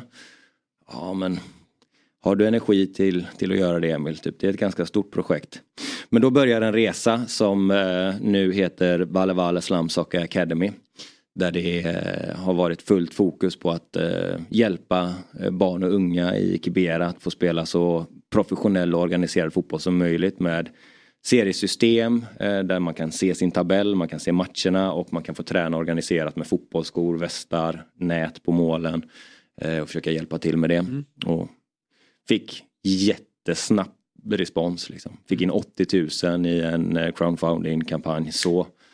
Vilket gjorde att det var, ja, men från, dag, från ena dagen till andra så var energin tillbaka nästan och det kändes som så himla skönt att inte göra någonting för min eget syfte skulle så här, det här, ja, Och den lever vidare, akademin? den lever vidare. Vi Ja. har eh, imorgon faktiskt en insamling i Täby, Erikslund som är en av våra vänklubbar. Så Mm. att vi har en container där. Man får jättegärna komma förbi imorgon. Eh, vi hade hoppats på att John Guidetti skulle dyka upp men jag fick precis besked om att han inte kunde. Eh, samla in skor så vi brukar väl få in en 500-600 skor när vi gör sådana här grejer och så eh, kör vi ner en container ner till, eh, ner till Kenya och skickar bollar och kläder och försöker hjälpa till dem. Vi har tre anställda tränare där nere just nu och min personliga dröm är väl att kunna få laget till, till Gothia en dag. Eh, lite komplicerat med att lösa pass och sådär för, för alla men eh, inte alls omöjligt. Det är nästa dröm. Ja men det hade varit. Ja, häftigt. Men kände du när du redan var där nere att här ska jag vilja gärna hjälpa till när jag vänder hem till Sverige och ändå har Ja, men jag- någonting kvar här? Det är så himla viktigt på ett eh, demokratiskt plan och på ett mänskligt plan. Jag menar vi jag utgår från att ni också levde fotboll som små. Man hade sina goaltidningar och man bandade eh, Sportnytts eh, fotbollsgrejer på VHS och man drömde fotboll hela tiden. Och att få längta till en kupp eller till en, till en seriematch. Och när man kom ner så här, men vad, hur, gör, hur gör ungdomslagen? Typ? Nej men de, det är bara spontanfotboll nästan. Det finns inget organiserat. Och kunna försöka hjälpa till med det. För är det någonting vi svenskar är bra på så är det ändå organisation många gånger. Och det har man fått med sig en del från den uppväxten man hade med kuppspel, seriesystem, liksom ordning och reda, kom i tid. eh, Och försöka implementera de, de grunderna där nere med all den energin som finns där nere och, och glädjen och tacksamheten och lyckan i att få spela en, en träningsmatch med en helt ny Adidas-tröja med sitt klubbemblem och göra målgester och ja, då är det liksom ståpäls när man Ja. känner att man får vara med och uppleva det igen och då blir man ju som en sjuåring och det är kanske den relationen till fotbollen jag än idag klamrar mig fast vid. Att om man avgjorde en, en kupp i tioårsåldern så är det ju fortfarande ens bästa fotbollsminnen jämfört med de seniora minnena som, som kanske var mycket mer press om man skulle prestera och man skulle liksom hela tiden vidare och det handlade om någon slags karriär då plötsligt snarare Ja, och då förstod man ju också glädjen. att man inte skulle bli bäst. Alla, det är så härligt när man är tio år för då tror jag alla att man ska bli bäst och alla vet att de kommer bli bäst. Men, men när man det- kommer upp i åldrarna så inser man kanske att det, det kanske inte blir jag som blir den bästa. Men jag är lite nyfiken här också hur det var att leva där och bo där. Alltså mellan träning. Man har hört om så här bekanta som har liksom kanske pluggat ett halvår eller rest i Afrika. Men att liksom bo och leva där. Hur ser det ut mellan träningen under dagarna? Jag levde tillsammans med en eh, teaterregissör. Så att han introducerade mig för rätt mycket spännande människor där nere och jag fick se hur han kämpade eh, med sin eh, med sitt eh, yrke då som kulturarbetare. Och det var inte helt lätt heller men gå ut och, och käka och jag kände mig jättetrygg överallt. Eh, Gick liksom runt om i Kibera och det är enkel men jäkligt vällagad mat. Typ. Bara att fräsa löken i 20 minuter för att sen addera tomaterna i minut 21 och låta dem vara med i 10 minuter och sen kommer riset för att få en så mycket bättre maträtt. Så här. För att det är kanske två, tre, fyra, fem ingredienser du har att jobba med. Du kan liksom inte bara kasta ner allting i en, i en, i en gryta och göra det bästa av de resurserna man har. Och det var det var väldigt hälsosamt och lärorikt att, eh, att bottna i ett kenyanskt tempo som är lite långsammare än det svenska. Eh, bussar och sånt kommer ju inte i tid och människor kommer inte i tid och fotografer. De kunde komma i minut 75 i vissa mm, träningsmatcher som jag spelade och då hade jag redan blivit utbytt. Hur hittade du de där fotograferna? Ja, via, då fick jag hjälp av, av, Ah, okej. av Roger som jag bodde hos då, Ah. som liksom kände folk som kunde filma och sådär. Och... jag gillar den här scenen när du sitter i början där och ska berätta då om din dröm och, och du säljer in det på ett bra sätt och du får ju med dig eh, ni sitter i ja, men någon av slumområdena eh, och, och det är en massa eh, kenyanska eh, killar där och de berättar då hur, eh, vad som kommer hända då om du tar steget upp till det här bästa laget och avgör en match då kommer du vara hjälte men om du missar då kommer de stena dig. Alltså, och man ser i blicken på dig då att du, de är ju allvarliga när de säger det. Lite glimt i ögat men också väldigt mycket allvar. Eh, det är någonstans, eh, ja, den, den var häftig att ta del av den scenen. Ja, Nej, men jag läste ju väldigt mycket litteratur då som, som också gav mig en, en tyngd i att förstå liksom, eh, sammanhangen. Postkoloniala strukturer och En droppe midnatt tror jag var introduktionsboken av Timbuktu just med det här eh, ja, men introduktionen till 43 olika stammar i Kenya som bara blev in, eh, inringade i att nu är ni kenyaner trots att det är tre olika språkträd och det är helt olika kulturer och helt olika sätt att förhålla sig. Och det var ju väldigt lärorikt och också försöka förstå hur de ska få ihop en politisk enighet och klara av det och sen med tryck från kineser och västerlandet och statsskulder och bara lära sig ett annat land ganska ordentligt. Så det är på sätt och vis ett andra hemland, så, eller jag känner Ja, jag väldigt mycket för, Ja. för Kenya. Ja, häftigt. Du, eh, jätteintressant att höra om din resa. Men vi måste också eh, avsluta lite med ditt supportskap som är väldigt starkt för Newcastle. Det är det. Du har haft en podd. Eller har du ja, den tickar. Vi, kör, vi släpper ett avsnitt i månaden ungefär Ja. just nu. Småbarnsföräldrar och jobb mm, och sådär. Så att det är svårt att hinna med Och du har gästat oss men- också. Ja, i Big Six. var- Ja, väldigt trevligt. Ja, jättetrevligt att ha dig med. Men, men för, och då blev det ju stort fokus, vilket ni får svara på väldigt mycket av den frågan. Och ni kanske är trötta på den, men det är ju det här med att klubben då för lite drygt, i två år sedan va? Ja, nästan exakt två ja, nu. Saudiarabiska investeringsfonden eh, PIF då, Public Investment Fond, som köpte då eh, Newcastle. Hur eh, har du tagit emot det, så att säga? De 650 miljarder dollarna som ligger där och vilar i, i PIF. Ja. Ja, jag, jag har försökt svara olika varje gång för att på något sätt hålla liv i det. Jag tycker om att diskutera det. Många Newcastle-fan drar sig för diskussioner. Jag tycker tvärtom att den känns väldigt behövlig. Sen är det många saker som jag inte lyckats formulera för mig själv ännu men känslan är väl någonstans när jag ska pröva på en ny förklaring här nu att du kanske växer upp i en familj och så splittras den, dina föräldrar skiljer sig och så kommer det in en ny person.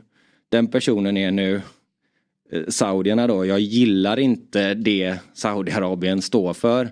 Men Newcastle är min familj så på något sätt så måste jag ändå försöka förhålla mig familjärt till det. Vilket blir väldigt konstigt då jag nostalgiskt drömmer mig tillbaka till Sir John Halls tid som var en, en affärsman från Newcastle, Freddie Shepard en affärsman från Newcastle men det komplicerade ju att vi hade Mike Ashley då som, Mm. som var en utsugare av dess rang liksom. Han hade ju en aura av en dementor och kysste nästan bort själen i klubben. Mjölkade den på ekonomi och på På Sports stolthet. Direct.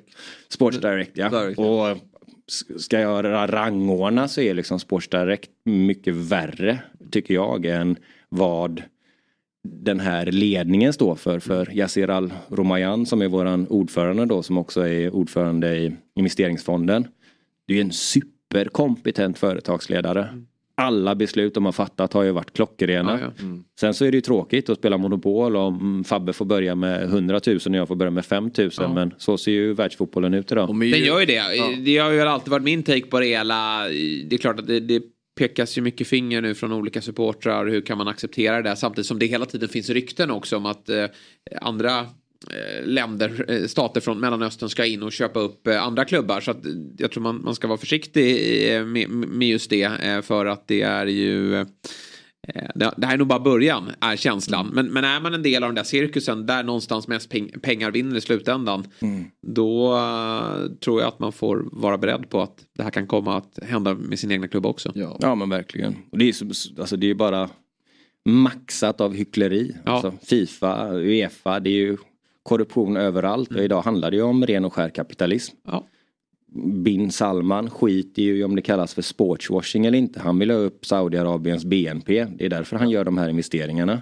Det är ju en ren investering. Köpa för 300 miljoner och sen sälja för 3 miljarder om 10 år. Det kommer de ju lyckas med också. Så att det är ju det är ju väldigt cyniskt och därför tycker jag ibland att det blir lite krångligt när det är lite svenskt att gå in och vara etisk och moraliserande. Det är klart att det är skittufft. Men det blir lite konstigt att lägga så här diskurser från mänskliga rättigheter, akademisk nivå på hela fotbollsrörelsen som är, som är väldigt förstörd av de eh, kommersiella och eh, riskkapitalistiska eh, konsekvenserna. Det är många fina klubbar som har försvunnit av Verkligen. dåliga satsningar. Ja och sen också att folk ska vara så kategoriska med att det här är rätt, det här är okej, den här Mm. ägarstrukturen, de där ägarna är okej. Men det där är helt fel, jag förstår inte hur du kan vara en supporter av det laget. Mm. Det är liksom, jag, jag har svårt, eh, alltså någonstans köper man sig in på det där. Sen kan man ju tycka att det är fel att uttrycka sig så, men, men Mm. att det är en ganska hetsk debatt mellan supportrar. Eh, och, och det är ju som sagt återigen, det där är din familj som du har älskat sedan du föddes. Och, är och det. det är ju svårt att, att lämna det. Och jag kan tänka mig någonstans också att nu får du egentligen uppleva sportslig framgång också. Mm. Newcastle har ju haft sportslig framgång tidigare. Eh, Djurgården var ju nära att få möta dem där i Ja. Champions League-kvalet när det Det- begav sig det- senast. Men sen har det varit ett par tuffa år. Men nu är man ju tillbaka någonstans i, i toppen igen. Mm. Och man, det är ju det ultimata sporttvätteriet på så sätt att Newcastle har gjort det på ett sätt som man hade kunnat göra utan de här enorma miljarderna. För det är ju så imponerande. Det är inga jättenamn som har klivit in eh, sportsligt. Nej. Och det är fortfarande väldigt lokal förankring på så sätt att det är sex engelsmän i den här startelvan mot eh, PSG i, i Champions League. Och det är en engelsman vid sidan av Eddie Howe som inga, han stod ju ledig. Det är inga andra klubbar som har ryckt i honom. Nej. Eh, så att det Newcastle som, som lag har ju gjort det på ett väldigt imponerande sätt. Som är svårt att tillskrivas än så länge, den här eh, investeringsfonden. Mm. Nej men det är ju hela ägarskapet som har varit så skickliga liksom. De har gjort om träningsanläggningen och professionaliserat allt. Sen är ju Eddie Howe en tränare som jag älskar och beundrar. En väldigt värdig engelsk gentleman. Pratar aldrig skit om någon utan Förlorar vi så går vi vidare och han hamnar aldrig i sådana onödiga mm, vad heter det, dogfights.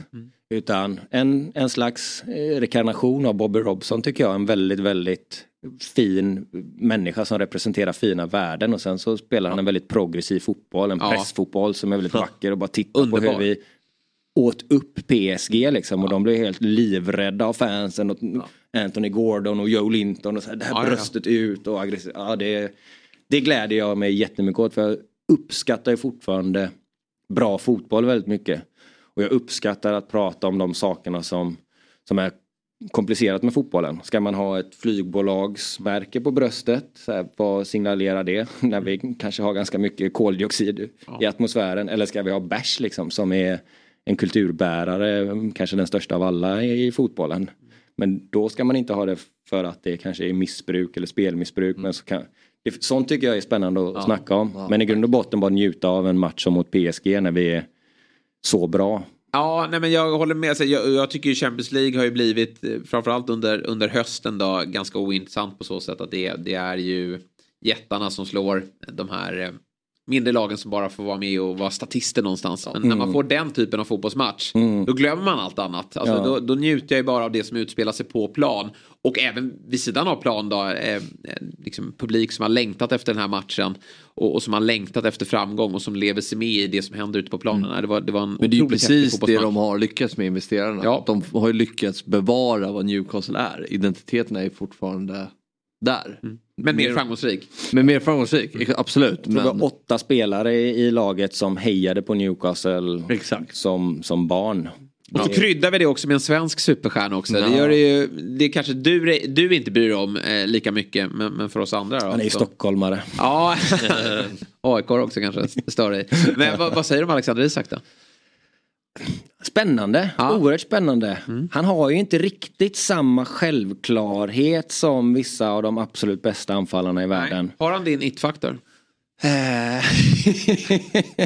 Va? Det måste man ändå säga att han har, men han måste ta fram det lite Jo oftare men har kanske. Men jag är faktiskt väldigt eh, överraskad över att han ändå har det här bettet och elden och sånt där. Det har jag aldrig sett tidigare. Det var Sociedad Rickard Henriksson eller- gästade oss här för massa eh, program sen och, och sa ju det att det finns ingen som firar ett mål på ett härligare sätt än Isak. Ja men det gjorde han inte innan han kom Nej, till Newcastle. Exakt. Jag upplevde i alla fall inte det som det. Utan ganska reserverad och jag höll Kulusevski som den av de två som kanske hade störst chans att verkligen bli en, en världsstjärna. Men eh, nu tror jag Isak eh, pa, ja, men, har passerat Han är ju verkligen på rätt råge. plats också um, på så sätt att det, det spelas en fotboll som eh, ja, passar honom och ett lag som är på frammarsch. Ja, det det kan ju- bli hur bra som helst faktiskt. Verkligen. Ja, vad, vad landar ni i år då tror du? Svårt att säga. Hoppas ju på kanske en kvartsfinal i Champions Mm. League. Eh, nu slog vi ut City i ligacupen. På United i eh, nästa runda. Där är ni väl favoriter? Tacksamt läge att möta dem. Mycket revanschlusta efter eh, finalförlusten Precis. förra året också. Eh, truppen är ju lite tunn. Mm. Får se vad som händer med Tonali nu också. Svårt läge om, om vi får för mycket skador på um, tongivande spelare så är vi känsliga men det gäller ju alla topplagen egentligen. Så att kan vi komma topp 6 och Nej. etablera oss i eran Sluta podd nu. som topp 6. Nej, så, ni ska eh, vara, ni ska vara, ni går till semifinal i Champions League och slutar topp fyra. Alltså? Men topp fyra är ju tufft i år. Jag lovar, sägas. det Jag tycker- laget som får Newcastle i åttondelsfinal, de kommer få det tufft. Oavsett om det är Bayern München, Barcelona eller de här största drakarna. Det kommer bli ett helvete. Mm. Ja, man såg ju på PSG att de var tagna på sängen. nu har ju kanske andra lag lärt sig då att det, det är en viss PSG atmosfär. gör en jättedålig Låga match. ribbor Fabbe, låga ribbor. Ja, nej, men så eh, hoppar man PSG över gör istället. ju, de spelar Det ju... här är inte bra för Newcastle för. Alcuna kan vara lite grumlig De spelar ju osmart i den matchen Newcastle. Men, men eh, nej, jag, tror, jag tror väldigt mycket på Newcastle. då. Ja. men så, länge, så länge man känner att det växer åt rätt håll och det som jag ibland är orolig för är ju eh, supportrarna som är lite ja, men, kort minne. Mm.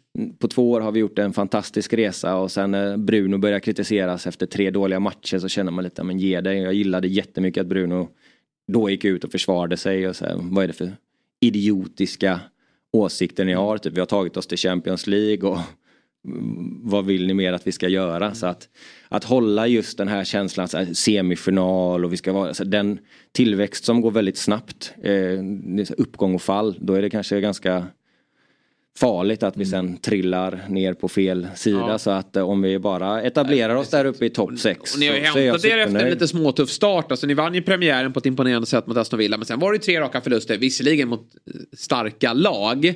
Men, men det finns ju också en, en kravbild som hela tiden eh, höjs. Eh, Ja, från eh, supportrar och, och ledning liksom. Så att det, Ja. eh, men, men ni har hämtat det väldigt starkt från den tycker jag. Eh, och eh, det blir väldigt spännande att följa. Otroligt kul att ha det här Emil. Jättekul att få komma hit och Ja. med i bild och inte bara i etens Nej men eh, exakt. röstliga värld. Men det är i Göteborg du eh, bor? Jag bor på. Orust nu faktiskt. Det, det blev eh, lite lugnare lantliv. Men eh, det är Göteborg jag är och verkar mycket i. Jag tänker på alla tittare som vill ta del av pojkdrömmen. Finns det någonstans de kan se den? Eh, lättast är väl en sån här eh, den kommer komma på SVT snart igen. De gör ju lite som de vill nu. I- Ibland pushar jag för dem. De brukar lägga upp den i samband med mästerskap och sånt så skapar de små fotbollsblock. Just det. Men de köpte ju rättigheterna i Sverige. Man kan se den på Prime, Amazon som vi sålde den till. Eh, Men då är den geoblockad i Sverige för att SVT har den där och så sen så finns den på norsk tv men då är det också samma sak där. Så att, eh, bäst är väl kanske att, att försöka leta upp mig och mejla mig så kan man få bara en länk Ja. om man är väldigt nyfiken. Mm. Eh, annars får man hålla sig till tåls och, och vänta på SVT. Man kan följa dig på Instagram bäst. Det, det kan man göra. Ja, nej men den är värd att eh, ta kontakt med dig för att få ta del av. För det var otroligt bra. Ja men kul, höra. Mm. Eh, tack Emil eh, och vi ska runda av här nu eh, Fabbe. Eh, vi är i mål den här veckan. Eh, och den här Nej. morgonen. Nej, imorgon också såklart. Men det är något form av veckoslut med fredagar ändå. Men eh, imorgon lördag så är vi tillbaka 9.00. Då kommer Kim Hellberg Mm. gästar oss. Lite, ytterligare lite tränarspecial. där Ja på morgon. verkligen, alltid kul. Jag är taggad. Mm, Värnamos succétränare som också ska vara med och gästa FBL Sverige då, eh, som vi sänder på Dobb-TV. Inte lika intressant. Tycker jag, men eh, jag vet att du inte tycker det. Men fyra grejer har jag fått med mig här i körschemat innan vi avslutar. Första grejen, idag är det nämligen en väldigt stor dag. Det är nämligen exakt 89 år sedan Stryktipset föddes. Då fanns det två kuponger, en med 12 engelska matcher och en med 12 svenska. 1969 började man med 13 matcher på kupongen. Den största vinsten någonsin delades ut 2011 till en man i Malmö. Han hade satsat 64 kronor. Eh, helt enkelt. Eh, 89 år. Grattis eh, Stryktipset eh, säger vi. Och Stryktipset är ju en produkt från Svenska Spel, Sport och Casino AB. Åldersgräns 18 år. Andra grejen, vi ökar på YouTube men vi vill bli ännu fler. Så in och prenumerera där så vi når 20 000 och att du kan hoppa in i din Woody direkt där också. Precis. Det är viktigt för oss. Tredje grejen, en rättelse från quizet ska tydligen in. Okej, jag ska få rätt för sång. Helander. Han var med. Han var med i truppen. Självklart. Ja, då får du en poäng. Men vi uppdaterar det i maratontabellen. Nej, men det är du inte. Men, Ja, eh, men det kommer in Ed, så det är lugnt. Ja. Det, det, Bra, så du får i alla fall upprättelse och vi rättar dig i maratontabellen. Men fortfarande en bit efter då, eh, oraklet. Eh, och sista grejen då, jo, det är att du kan testa två veckor fritt då eh, på Dobb-TV genom att ratta in koden. Skriv in koden Fotbollsmorgon så får man ta del av FBL Sverige, 08 Fotboll, Eurotalk, Quizaleta och alla fina produktioner som vi har där. Det var allt för denna morgon och så ses vi imorgon igen då, 9.00. Ha det bra fram till dess. Fotbollsmorgon presenteras i samarbete med Oddset, betting online och i butik. EA Sports, FC 24.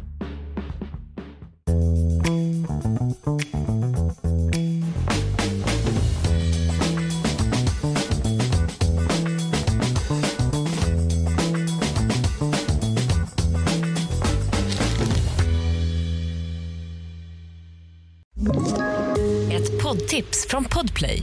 I fallen jag aldrig glömmer djupdyker Hasse Aro i arbetet bakom några av Sveriges mest uppseendeväckande brottsutredningar.